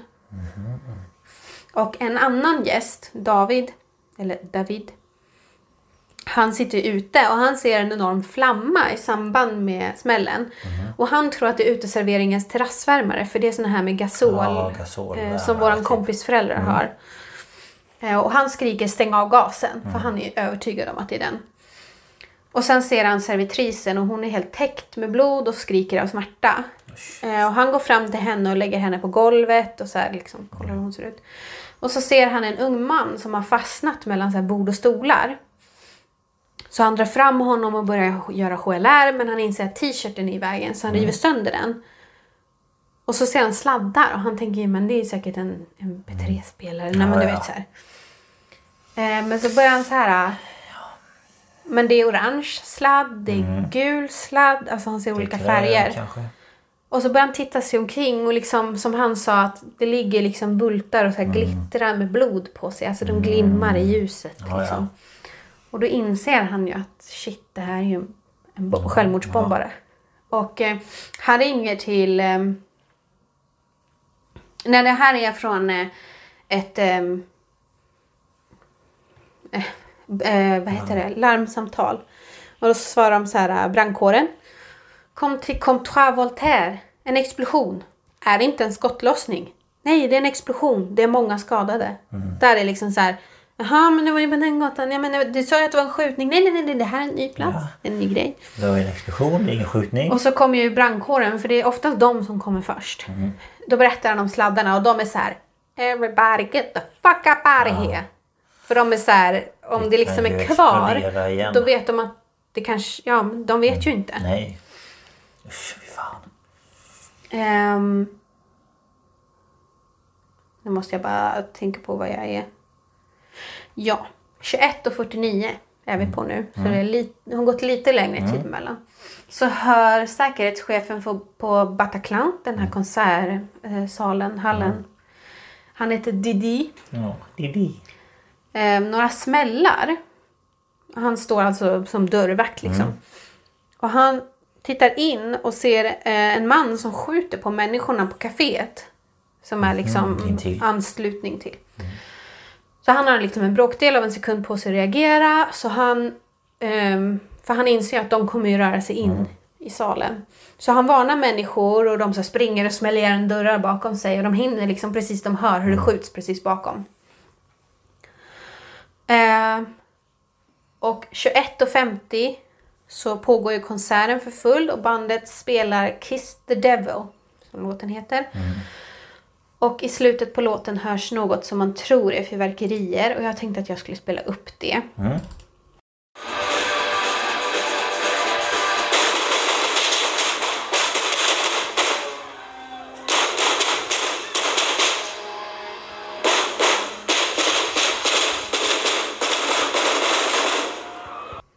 Det låter ju verkligen som fyrverkeri om man inte vet vad det är. Ja, man är på konsert liksom. Ja, man kan inte tänka... Alltså det första man tänker på är kanske inte oj shit någon skjuter utan... För ibland kan ju fyrverkerier låta, de kommer med liksom ojämna mellanrum. Och sådär. Men herregud, kan den här sluta koppla sig upp på allting? Tydligen inte. Ja, Ja, ehm, fy fan usch. Och eh, man hör ju då att bandet slutar ju spela. Eh, och springer av scenen. Och Jan, som är en besökare, besökare. Han ser tre män storma in med vapen och de bara skjuter allt och alla omkring sig. Och några andra besökare slänger sig ner på golvet och spelar döda. Och han säger att han ser hur människor faller som dominobrickor. Och det är ungefär 1200 personer på parkett. Och ungefär 350 på balkongen. Och Didi, då, säkerhetschefen, han skyn- skyndar sig för att öppna nödutgångarna. Ehm, alltså han, jag måste säga att han är väldigt samlad. Han bara okej, alla måste ut. Eh, så han öppnar ju mot gränden. Eh, men det, det är liksom bara vanliga dörrar. Så det blir så trångt så folk fastnar i varandra. Det blir som en flaskhals. Så han skyndar sig mot logerna för att öppna nödutgångarna där. Men då har skyttarna redan hunnit dit och det är för sent. Så han gör som många andra och bara slänger sig på golvet. Okej. Och en kille som var på balkongen, han heter David. Han kryper längs väggen mot liksom sidan, mot någon utgång. Det är liksom som en trappa ner. Eh, och han möter en annan kille där och de tillsammans rör sig mot fönstren för att eh, klättra slash hoppa ut. Och killen han har mött eh, ropar på någon som heter Pierre. Ehm, och han blir lite så distraherad. Men David väljer att titta ner på gatan nedanför. Och där ligger ett tiotal personer medvetslösa. Som Okej. antagligen redan har kastat sig ut. Ja, som har hoppat. Och det finns en, en journalist, han bor granne med Bataclan. Jag vet, Ehm. jag har sett den här videon. Ja, när han... eh, Kiss kiss basu! Eller någonting ropar han ju. Ja. Och han ser en kvinna som hänger i fingertopparna. Där. Och hon, det är med, man är medveten om att du kommer skada dig om du ramlar ner. Och det värsta är att hon är gravid också. ja. Så att... Eh, Eh, och vid flera tillfällen så blir det pauser i skjutandet och då tror ju folk att det är säkert så de reser sig upp och ska springa men det visar sig att de bara byter magasin. Så då skjuter de ju.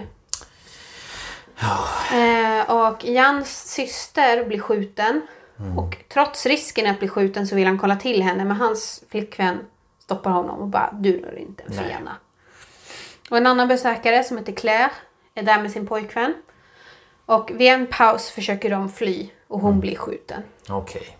Och hennes pojkvän lägger sig då på henne för att skydda henne mot flera kulor. Han är så här. Eh, Att inte hon ska skjutas. ja, hon, hon blöder ganska mycket. Han känner liksom hon blir kallare och kallare. Jaha. Eh, på balkongen har ett 40-tal människor stängt in sig på toaletten. Och någon gör hål i innertaket för att de ska kunna klättra ut. Och en tjej, eh, hon, hon kan inte klättra för att hon är överviktig och hon orkar inte. Nej. Och hon får ju panik och hon är så här, låt bara alla gå före mig. Ja. Det, det, det är okej. Men istället för att bli arga så börjar de andra där hjälpa henne och uppmuntra henne så här You can do Ah. Ja, it! kom typ. igen liksom. Och de drar och puttar så hon kommer upp. Jaha. Och alla är nu liksom mellan innertak och yttertak där. Ja. Och då ringer den här tjejens eh, pojkvän till larmcentralen och jag tänkte att vi skulle lyssna på det. Så ehm, kan jag ehm, eh, läsa upp vad det är han säger sen. Allô, urgence pompier nous sommes sous les combles du Bataclan. On est au moins une trentaine de personnes. Allô Oui, je ne peux pas, je ne peux pas parler plus fort. Là, ils sont. Vous avez encore entendu tirer ou pas Oui, oui, oui. Han säger alltså larmcentralen. Vi är under taket på Bataclan. Det är 20 personer här. Hallå? Ja, jag kan inte prata högre. Skjuter de fortfarande? Ja, ja, ja. Han viskar liksom. Oui, oui, oui, oui, oui, oui. Eh, 21.55 kommer brandkåren fram. Men de kan ju inte göra någonting förrän, förrän polisen är på plats. De får inte och de kan inte. Nej. Och inne i lokalen så hör Didi att skyttarna laddar om och går upp på övervåningen. Alltså upp på balkongen. Han och många andra tar sin chans och rusar ut genom nödutgången i logerna. Eh, Jans syster klarar inte att ställa sig upp. Eh, så de två blir kvar medan eh, flickvännen då springer ut. Men han får någon sån här adrenalin, adrenalinkick. Okej. Och släpar med sig sin syster. Ehm, så de kommer ju ut till slut. Eh, Claire kan inte heller stå upp och hennes pojkvän gör allt för att få ut henne. Men så fort han försöker bära henne så skriker hon av smärta. Så han, de, de kan inte Har ta hon sig typ ut. blivit träffad i benen eller? Jag vet inte var hon blev träffad men eh, det var ganska illa i alla fall. Okej. Ehm, hon lever ju, för hon är ju med i dokumentären. Vi får upp Kim hela tiden. Jaha. Eh, ja, den här David hänger fortfarande ut genom fönstret. Han liksom gömmer sig på utsidan på något vis. Och då helt plötsligt så lutar sig en av skyttarna ut och bara kom in. Och han bara okej. Eh, och han säger typ så här jag ska inte skada dig. Men han riktar hela tiden sitt vapen mot honom. Alltså paniken där. Och han blir tillsagd gå tillbaka till balkongen inne i Bataclan. Och där har de samlat fler människor. Och över tio människor sätts liksom längs väggen eh, på balkongen.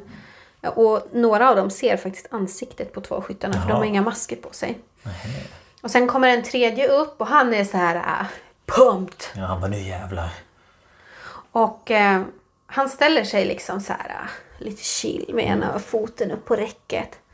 Och så kollar han ner och så säger han så lustigt. De spelar döda.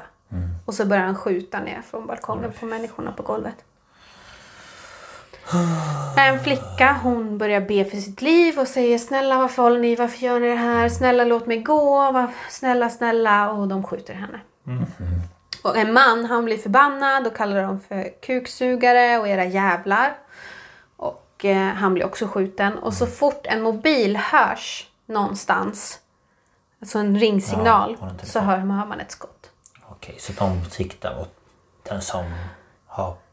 Ja, antagligen Eller, ja. Så tänker de att det är någon som lever och då. 22.02 är polisen på plats. Och några går in i byggnaden och då är det en polis från insatsstyrkan som tar sig in i salen och gömmer sig bakom en pelare. Och han lyckas skjuta ihjäl en av de här eh, terroristerna.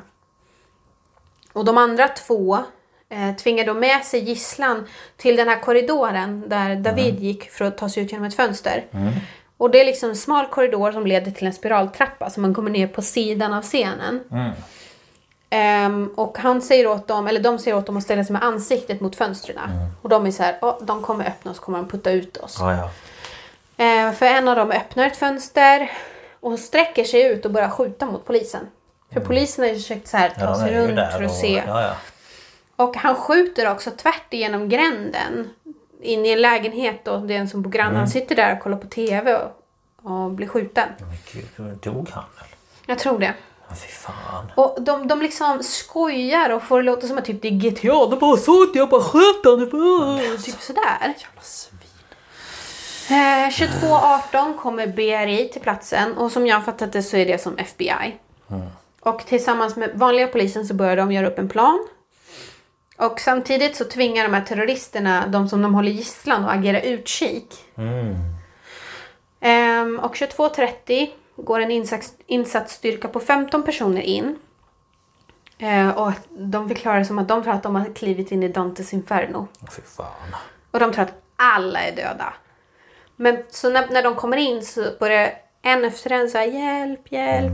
Och de inser att det finns överlevare. Eh, De ber oskadda personer att ställa sig med händerna på huvudet. Men det är många som inte vågar för de tror att det är terrorister som Ja, luras. såklart. Men till slut så får de ju ut folk ur byggnaden och så säkrar de liksom nedervåningen. Eh, och eh, räddningspersonal ute gör i ordning så säkra platser där de kan utvärdera människor och göra redo, dem för, göra redo för transport till sjukhus. Och det var så många skadade där inne. Så man började ta sådana här kravallstaket och använda som bårar. För det fanns inte. Ja, just Så det. de det gick och bar dem på kravallstaket. Eh, och medan det här händer då så går insatsstyrkan upp på balkongen och rör sig mot den här korridoren. Och då tvingar de gisslan att ropa gå tillbaka. Vi är 20 stycken som hålls gisslan. De har sprängämnen och automatvapen. Om det inte går så spränger de hela stället. Okej. Och terroristerna tar då allas mobiler och samlar dem i en hög. Och så eh, ska de då använda de här till olika saker. Så ett nummer ska de ge till polisen. Och då ska samma gisslan som ropade det här ska ropa genom eh, dörren och vilket nummer det är. Och den här polisen som svarar, han, de säger att han, han har grov sydlig dialekt. Så jag kan tänka mig att, tänk dig en riktig jävla bonnig skåning. Ja, ja. ja, ja. Och eh, han ska ju repetera tillbaka siffrorna. ja. Och det är så svårt att höra vad han säger. ja. Och så då, då tänker den här tjejen som jag berättade för dig om, hon som har så skön attityd. Att, Fan, vi sitter här och så ska, och så ska den här idioten göra att vi dör. För att, alltså, alla, och alla blir så fulla i skratt. Bara för att det är så himla absurt. Men till slut så blir det rätt Ja, nummer. okej. Och polisen ringer då terroristerna på någon av gisslans mobil då. Men alltså, de, de, de säger, de har typ inga krav på vad de vill. De vill inte Nej, ha någon nej. helikopter, de vill inte ha fri eh, lejd därifrån. Nej, nej. De bara, vi kommer inte ge upp och så lägger de på. Wow, vad är planen? polisen vet inte riktigt hur de ska Nej. göra. Nej. Eh, men man bestämmer sig att man måste ju ta sig in till gisslan. Så man går in och så öppnar man eld mot terroristerna. Och hela den här insatsen tog en minut och sex sekunder. Och i den här dokumentären så visar de ett klipp från en som filmar utifrån så man hör varenda skott och sådär. Eh, och det här är lite förvirrande för mig för jag fattar inte riktigt hur många de är där inne. Nej, okej. Alltså Ehm, poliser eller hur många? Nej, terrorister. Nej. För polisen slår in den här dörren och grejen att de har ju satt gisslan som ska sitta för dörren. Mm. Men de har ju antingen så sparkar de in dörren eller så har de någon sån här... Ibland har de ju som en pocket eller så Nej, här, men typ en, ja men en sån här som man smäller på dörren. Jag vet inte vad det heter. Ehm, men eh, till slut så flyttar ju Island på sig för de fattar ju att det är polisen. Eh, och medan polisen då slår in dörren så tar eh, två terrorister en gisslan med sig. Han heter Arnold. Och det är mannen till den här kvinnan som har så härlig attityd. Det är hennes man. Tar de med sig ner i trappen. Och polisen stormar liksom in och, och terroristerna börjar skjuta mot polisen. Men eh, de har ju en jättestor sköld så det är ingen som blir skadad. Ehm, men det som händer är att polisen som håller i den här skölden han missar att det är ett trappsteg där inne. Så han snubblar till och så tappar han den sköld, tappar han skölden och den väger typ så här 70 kilo. Rakt på några i gisslan. Men Varav en tjej som är lite så här halvt funktionsnedsatt. Ja. Så hon, hon är väldigt svag i sina Ja. ben och sådär. Hon måste liksom ha hjälp. Och hon får den rätt på höften. Men gud. Eh, och de är liksom allt annat än varsamma med gisslan som så sliter i dem. Och så, typ den här stackars kvinnan som ligger under den där skölden. De trampar henne i skallen och allt möjligt. Nej, men gud. Eh, men den här David som jag har tagit upp förut. Han som hon förklarade den här kvinnan att han blev som Hulken. Han bara tog den där skölden och bara... Liksom så här, ja, Eh, och får med sig henne ut därifrån. Och de blir slussade från den här korridoren. Men Ar- Arnaud hålls ju fortfarande i trappen. Eh, och det är här jag blev lite förvirrad. För det är en terrorist som springer ner för trappen. En stannar med honom och en är kvar i korridoren. Okej. Så jag, det, var jättekrångligt. Jag fattade Ja, inte jag riktigt. förstår att det blev mycket. Eh, men eh, mannen där uppe vid poliserna, han har en sprängladdning på sig. Han bestämmer sig för att detonera den. Eh, och de ser ju det och så försöker de ju oskadliggöra honom då. Men eh, de träffar ju den här sprängladdningen. Ja. Så det exploderar ju. Men av någon anledning, den här byggnaden måste varit så bastant. Så det är liksom ingen som skadas. Det är ingen som dör. Nej, De skadas väl lite grann. Men, och inte, inte heller Arnaud nere i trappen skadas. Han Nej. tror att han blir skadad. Ja. För han känner hur hans skjorta blir blöt. Så han tror att han har fått någonting i ryggen. Men det är alltså den här terroristen som var med honom. Han har träffats av splitter Jaha. och Okej. dött. Ja, det var ju bra. Eh, och så har de ju då en den tredje eh, terroristen som sprang ner, han försöker också då detonera men honom skjuter de så han Okej. hinner inte detonera sin sprängladdning. Så är alla döda eller? Ja, Alltså terroristerna. ja. Eh, och eh, de kommer ju ner i trappen och Arnaud står där. Och så de vet ju inte om han är terrorist eller inte så han bara sliter av sig sin skjorta för att visa att han inte har någonting. Va, jag har Och sen när han väl kommer ut till sin fru så ser ju hon att "Åh, det är blodig. Men det var inte hans blod. Nej, okej. Jag hade nog också Ehm. fått panik. Och efter att de här terroristerna är döda så strömmar hundratals personer ut från sina gömställen på toaletter, elrum, skrubbar Mm. men och så innertaks människorna där då. Men fatta liksom känslan. När du liksom fattar att Det är slut. jag klarade mig. Ja. Att nu är de döda, nu kan jag ta mig ut härifrån. ja. Och den här Claire och, och hennes man då, hon klarar sig ju som sagt var. De har ju en, jag tror han var sju månader gammal bebis. Och de kommer ju hem till slut. Och hon, hon kan inte hålla i sitt eget barn. För hon är fysiskt sett är hon hemma med honom. Men emotionellt så är hon kvar där. Ja. Eh, och den här killen och, och tjejen som gömde sig i taket. De har barn hemma. Och de får komma hem och liksom. Ja. Ja, fy fan alltså. Och IS tog ju på sig dåden. Eh, och eh, 04.20 den 18 november, alltså tre, eh, fem dagar senare, på onsdagen tror jag det blir, så omringade, omringade tungt beväpnad polis och militär ett bostadshus i förorten Saint-Denis. Eh, det är alltså en förort till Paris. Och under sju timmar så pågick en räd och folk hörde kraftiga smällar och skottlossning under de här timmarna. Tre terrorister dödades. En kvinnlig självmordsbombare som sprängde lägenheten de eh, skulle in i. Eh, en dog av en polisgranat. Och en vet jag inte om han blev skjuten eller hur det var för det, det var också lite förvirrande. Men han had, hette Abdelhamid Abaoud. Och han sägs vara den som planerade de här attackerna. För att allt gick ju som på ett schema. Det skulle liksom röra sig och... ja. Ehm, först så var man inte säker på att han var död men sen visade det sig att han, han bekräftades vara död. Okej. Ehm, han kopplades också till andra attacker i Europa. Ja. Åtta personer greps. Eh, och man hade hoppats att Salah Abdeslam var i byggnaden men han var inte där. Nej. Och det här är ett namn som vi hörde mycket här i Sverige för han hade bott här. Jag, vet, jag vet inte hur det var om han fick uppehållstillstånd här. Men han, i alla fall, han bodde här i Sverige och det var så oh my god en svensk. Ja. Typ så, alltså vi fick panik. Bara, japp. Ehm, men han var i alla fall inte där för att man ansåg att han också då var delaktig i det här. Men han greps 18 mars 2016. Och i april 2018 så dömdes han till 20 års fängelse i Belgien. Så jag vet inte riktigt vad han dömdes för och hur. Nej. Ehm, så... Och jag har för mig att det tog jättelång tid innan han erkände. Han, han har inte erkänt någonting Nej. om det här med Paris än. Okej. Ehm, så... Ehm, jag tänkte att jag skulle ehm, läsa upp så slutgiltiga rapporterna. För det kom det upp i slutet på dokumentären. Så visade de en bild på, på platsen och eh, sådär. Jag ska också säga att den här uh, Gregory som ägde La Belle Equipe. Han eh, var där på söndagen. Och då var det ju folk som tände ljus och sådär.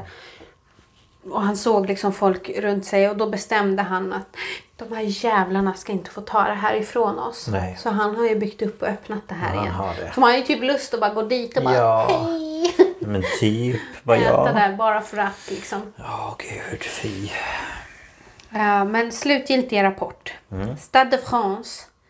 Fyra döda, sju allvarligt skadade, 52 lindrigt skadade.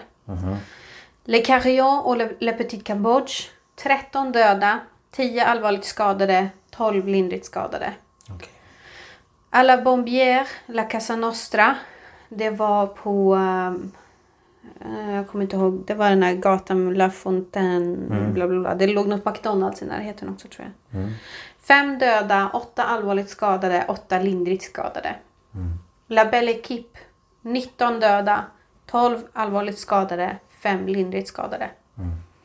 Comtois Voltaire. En död, självmordsbombaren. Tre allvarligt skadade, 13 lindrigt skadade. Och Le Bataclan, 82 till 90 döda. Här har jag läst blandade rapporter. 56 allvarligt skadade och 58 lindrigt skadade. Okej. Så jag tror att det blir någonstans runt 180... Nej, vad blir det? 7, 20... 40... Ja, jag kommer inte ihåg riktigt hur många det blir döda. Ja, men det blir För många. runt en... 130. Ish. Vad säger 90, 110, 115, 116, 126, 100... Sen, det tillkom ju några döda någonstans bara för att de skadade dog på sjukhus. Ja, vi säger 135 kanske, då, 140. Mm. Det är många. Så det var ju tre explosioner och så de här skjutningarna. Ja, det. Jag kommer ju ihåg det här också. Ja, fy fan. Jag Jag, låg vaken den natten så jag såg ju direkt när det kom ut på Aftonbladet och sådär. flashnotiser och så såg man ju den här videon från den här journalisten när han filmar ut mot eh, fönstret. Mm. Ja, eller han- Bataclan. Han säger, han frågar ju vad är det som händer Ja. men det är ju såhär qui se passe? Ja, Med jättebasig röst. och ingen kan typ svara för alla är ju i panik-mode. Sen så är det någon som svarar honom. Ja. Så För han går ju in i så här journalist-mode. Han bara, jag måste filma det här. Och sen det här med bomberna vid... eh, Eller... Vid Stade de France. kommer jag också ihåg. Ehm, Ja, jag kommer ju ihåg eh, det här. Jag, jag kommer inte ihåg hur många uteserveringar det var. Jag kommer ihåg liksom att det var en uteservering. Men det är väl antagligen då Le Belle Equipe som man kommer ihåg. För det var ju Ja, där det dog flest. det. Eh, Ja fy fan alltså. och som sagt, det här ledde ju till en våg av eh, terroristhandlingar i Europa. För att som sagt, året efter så körde de ju in i folk på julmarknaden i Paris. De körde in i folk på någon julmarknad i Berlin. Eh, och eh, strandpromenaden i Nice. Och jag tror det var i Hamburg. Eh, London, London. Bridge. Och sen kom vi lite efter Ja, vi hade ju en som försökte spränga sig Ja. i Stockholm men på 2015. Drottninggatan också. Men det gick ju inte. Han Och blev det ju var ju stoppad. mitt i julhandeln. Men det, det har varit någon våg efter det här med det här med att de tar fordon. Och sen var det ju vi då. Mm. När var det då? 2017? 17 kanske. Mm. Jag jobbade ju i Stockholm då så jag var ju... Ja, jag skulle in på, ja, vi skulle ju ha filmkväll med kollegor. Det var ju när jag också jobbade där. Ja, och det blev inte så bra för du fastnade i Solna. I, I typ åtta timmar. Och jag skulle försöka ta mig till Solna. Till slut fick jag skjuts av en kollega. Och jag försökte fråga personal hur jag skulle kunna ta mig norrut. Och de bara, gå till E4, där går det bussar. Jag bara, jag vet inte vad E4 är, jag är inte härifrån. Nej. Jag hittar ju inte någonstans runt Stockholm överhuvudtaget. Herregud. Ja. Nej men så att eh, det här var liksom... Som sagt det var ju den värsta attacken på Paris sedan andra världskriget. Ja. Och... Eh, alltså, många tycker att det är hemskt men det skakade ju Europa. Trodde Eh. Och så var det många som sa oh, men det här händer varje dag i det här och det här landet. Ja, ja men det är klart det är jättehemskt men det blir ju någon slags annan känsla när det är så nära. Ja och... Och i ett land där det här inte händer till vardags. Nej. Alltså, Nej, alltså det, det är varje, varje sprängning där människor dör, oskyldiga människor dör, är hemsk. Ja. Men det var just att det här var så... Det var så mycket. Det var så... Det hände så mycket på samma dag. Alltså Ja. kväll och... Eh, Och just att det var liksom typ egentligen Europas hjärta. Ja, alltså Paris har ju, alltså det är ju en stad som många symboliserar med kärlek och romantik. Och det är en väldigt gammal stad och, och det är liksom... Och så händer då det här fruktansvärda och sen så följer då den här vågen av andra terrorattentat. Ehm, som, det här var liksom lite så här skott... eh, Startskott, ja. Skottstart. Skottstarten. Ehm, Nej men det var... ehm, det var fruktansvärt. Jag vet inte. Jag var helt chockad när det här hände. Ja, det var man ju. Det var ju... eh, Alltså det kändes lite som så här... Kan det hända där kan det hända var som helst. Ja, och det var nästan lite så här så att man tänkte typ 11 september. Det var så att man bara tittade Mm. Jag tror att det på vart någon nyheterna sån känsla. Men gud vad är det som händer? Ja. Eh, så att, ehm, Ehm, och de, ehm, Hollande utlyste ju tre dagars landssorg och just ja. undantagstillstånd rådde ju i Paris. Så att... ehm, Nej, Nej, två det var- hemska attentat har vi Ja. tagit upp idag. ja. Ehm, Och som sagt, det här tog ju på mig. Och säkert på dig också för att Ja, Paris ligger oss så varmt om hjärtat. ja. Eh, Och sen så när man, när man å, återigen gick igenom det här så blev det liksom... Ja, och sen skjutningen i Orlando det liksom är ju... Det är berör långt, ju det är långt bort sätt. men det är ju helt, helt annat Ja. på något vis. Ehm, För man, man lider ju med de människorna också. ja, Och det hade säkert varit, hade vi liksom haft anknytning till det, hade det blivit Mm. ännu mer. ja, såklart. Men eh, Ja, jag, när det gäller Paris, där är man lite känslig. Jag grät ju när Notre Dame brann. ja. När, När spiran föll då började jag tokgrina. Alltså jag var så ledsen. Jag vet inte varför. Nej, Nej. nej men det blir... Ja, nej man bara säger men gud. men alltså man, så man bara, det brinner i Notre Dame. Och så ser man live hur spiran bara... Mm, Doink. och jag bara... "Åh." Nej jag vet inte. Men jag är ju historienörd också. Så det gjorde ont i mig att sån historia försvann. Men såklart. Så Ja men bra eh, jobbat. Tack. Mm. Jag höll på att skämma ut mig på tåget där men det gick bra.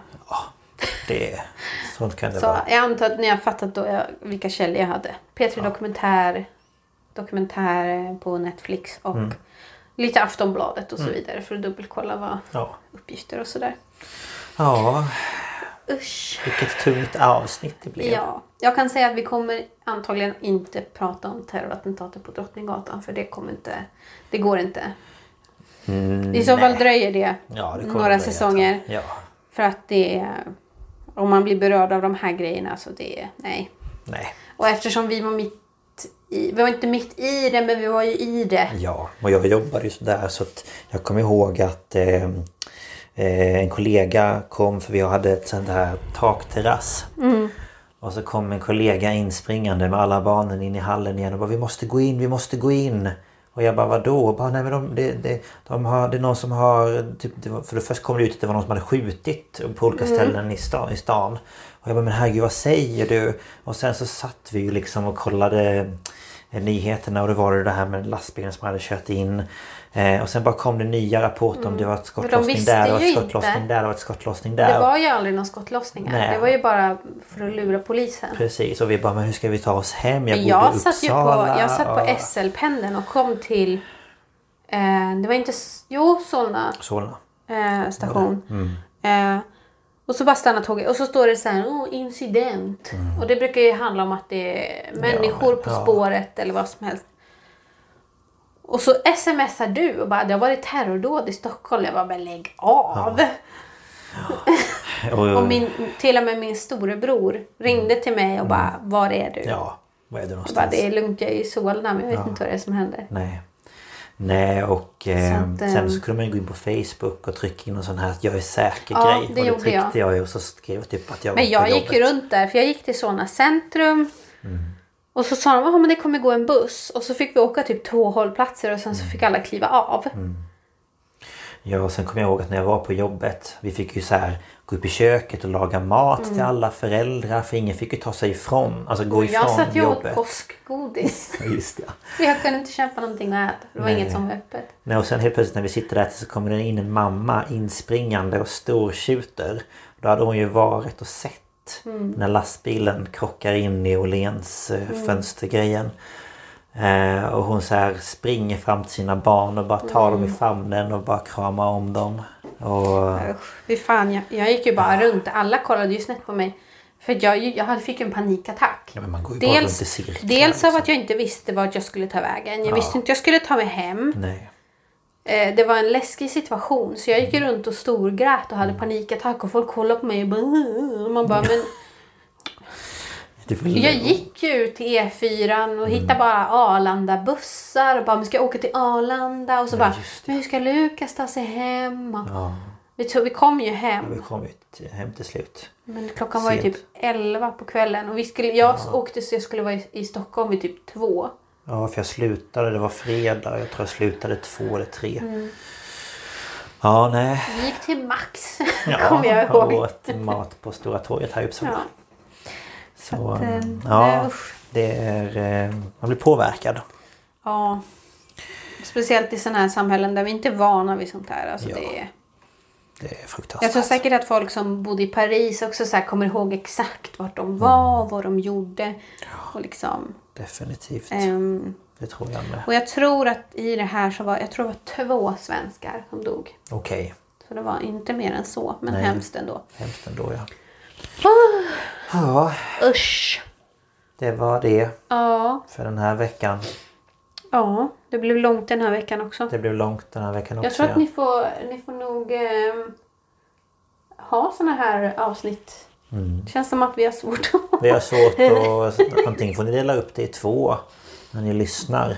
Ja. Eller så får ni kommentera om ni tänker att vi vill ha någon annan form på format på det Vill hela. ni att vi bara ska köra en historia? Eller? Ja. Får ni jättegärna Vi kommentera. tycker i alla fall det är kul att göra så här. Vi älskar Ja. långa poddavsnitt. Ja, det tycker jag. Man blir snopen när de är korta liksom. Jag gillar ju det här med poddar att man kan liksom lyssna medan man typ städar eller går och handlar eller, Ja, eller cyklar ligger och till jobbet vilar eller- ligger och vilar eller eh, Vad som helst. Ja. I bilen. Så ni är fria att dela upp avsnitten om ni vill lyssna på Mm. ett case åt gången. Ehm, Men eh, vi uppskattar alla som lyssnar i varje fall. gud det är jätte, jätteroligt. Ja, det är skoj. Så här. Ehm, Och ni får gärna betygsätta podden på, det finns både på Acast och och iTunes kan man betygsätta och kommentera eller ge en liten recension. Mm, det vore roligt. Och sen är det bara att mejla oss om ni vill på paranormaltapesweden.gmail.com Ja, jag tror att Lukas skriver det i beskrivningen. ja. Eh, och så våra eh, Instagram-namn så ni kan skriva till oss där. mm. Om ni har synpunkter, kommentarer. Tips och idéer. Ja, precis. Så- Egna historier kanske som ni vill att vi ska ta upp eller Ja, bara... vad som helst. Känn er fria. Ska vi säga nästa veckas ämne? Jag har faktiskt ingen koll på vilket ämne det är. Eh, I vanlig ordning I har vanlig Ida ingen ordning. koll. Det var Lukas som har halvkoll. Ja, Ja. Fast dock måste jag hitta var jag har skrivit upp det någonstans. Jaha. Eh, här ska vi se. Mm. Nästa vecka blir det mystiska händelser. Oj, oj, oj. Oj, oj, oj. Oj, oj, oj. Aj, Får ni väl eh, stay tuned vad det blir för någonting då vi ska ta Ja. upp. Det är ett mystiskt ämne. Det är ett mysterium. eh, nej men så det blir det. Mm. Eh, men ja, tack för att ni har lyssnat. Tack för att ni har lyssnat. Ha det så bra. Hörs nästa vecka. Det gör vi. Hej då! Hej då!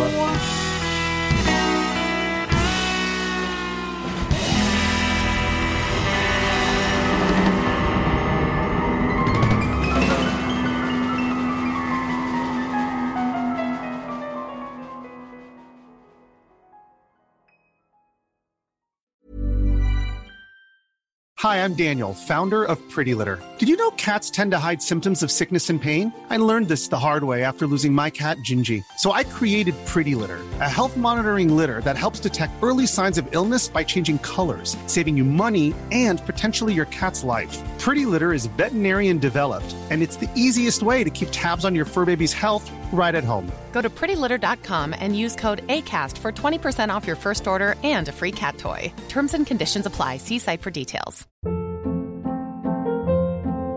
Hold up. What was that? Boring. No flavor. That was as bad as those leftovers you ate all week. Kiki Palmer here, and it's time to say hello to something fresh and guilt-free. Hello Fresh. Jazz up dinner with pecan-crusted chicken or garlic butter shrimp scampi. Now that's music to my mouth. Hello Fresh. Let's get this dinner party started. Discover all the delicious possibilities at hellofresh.com.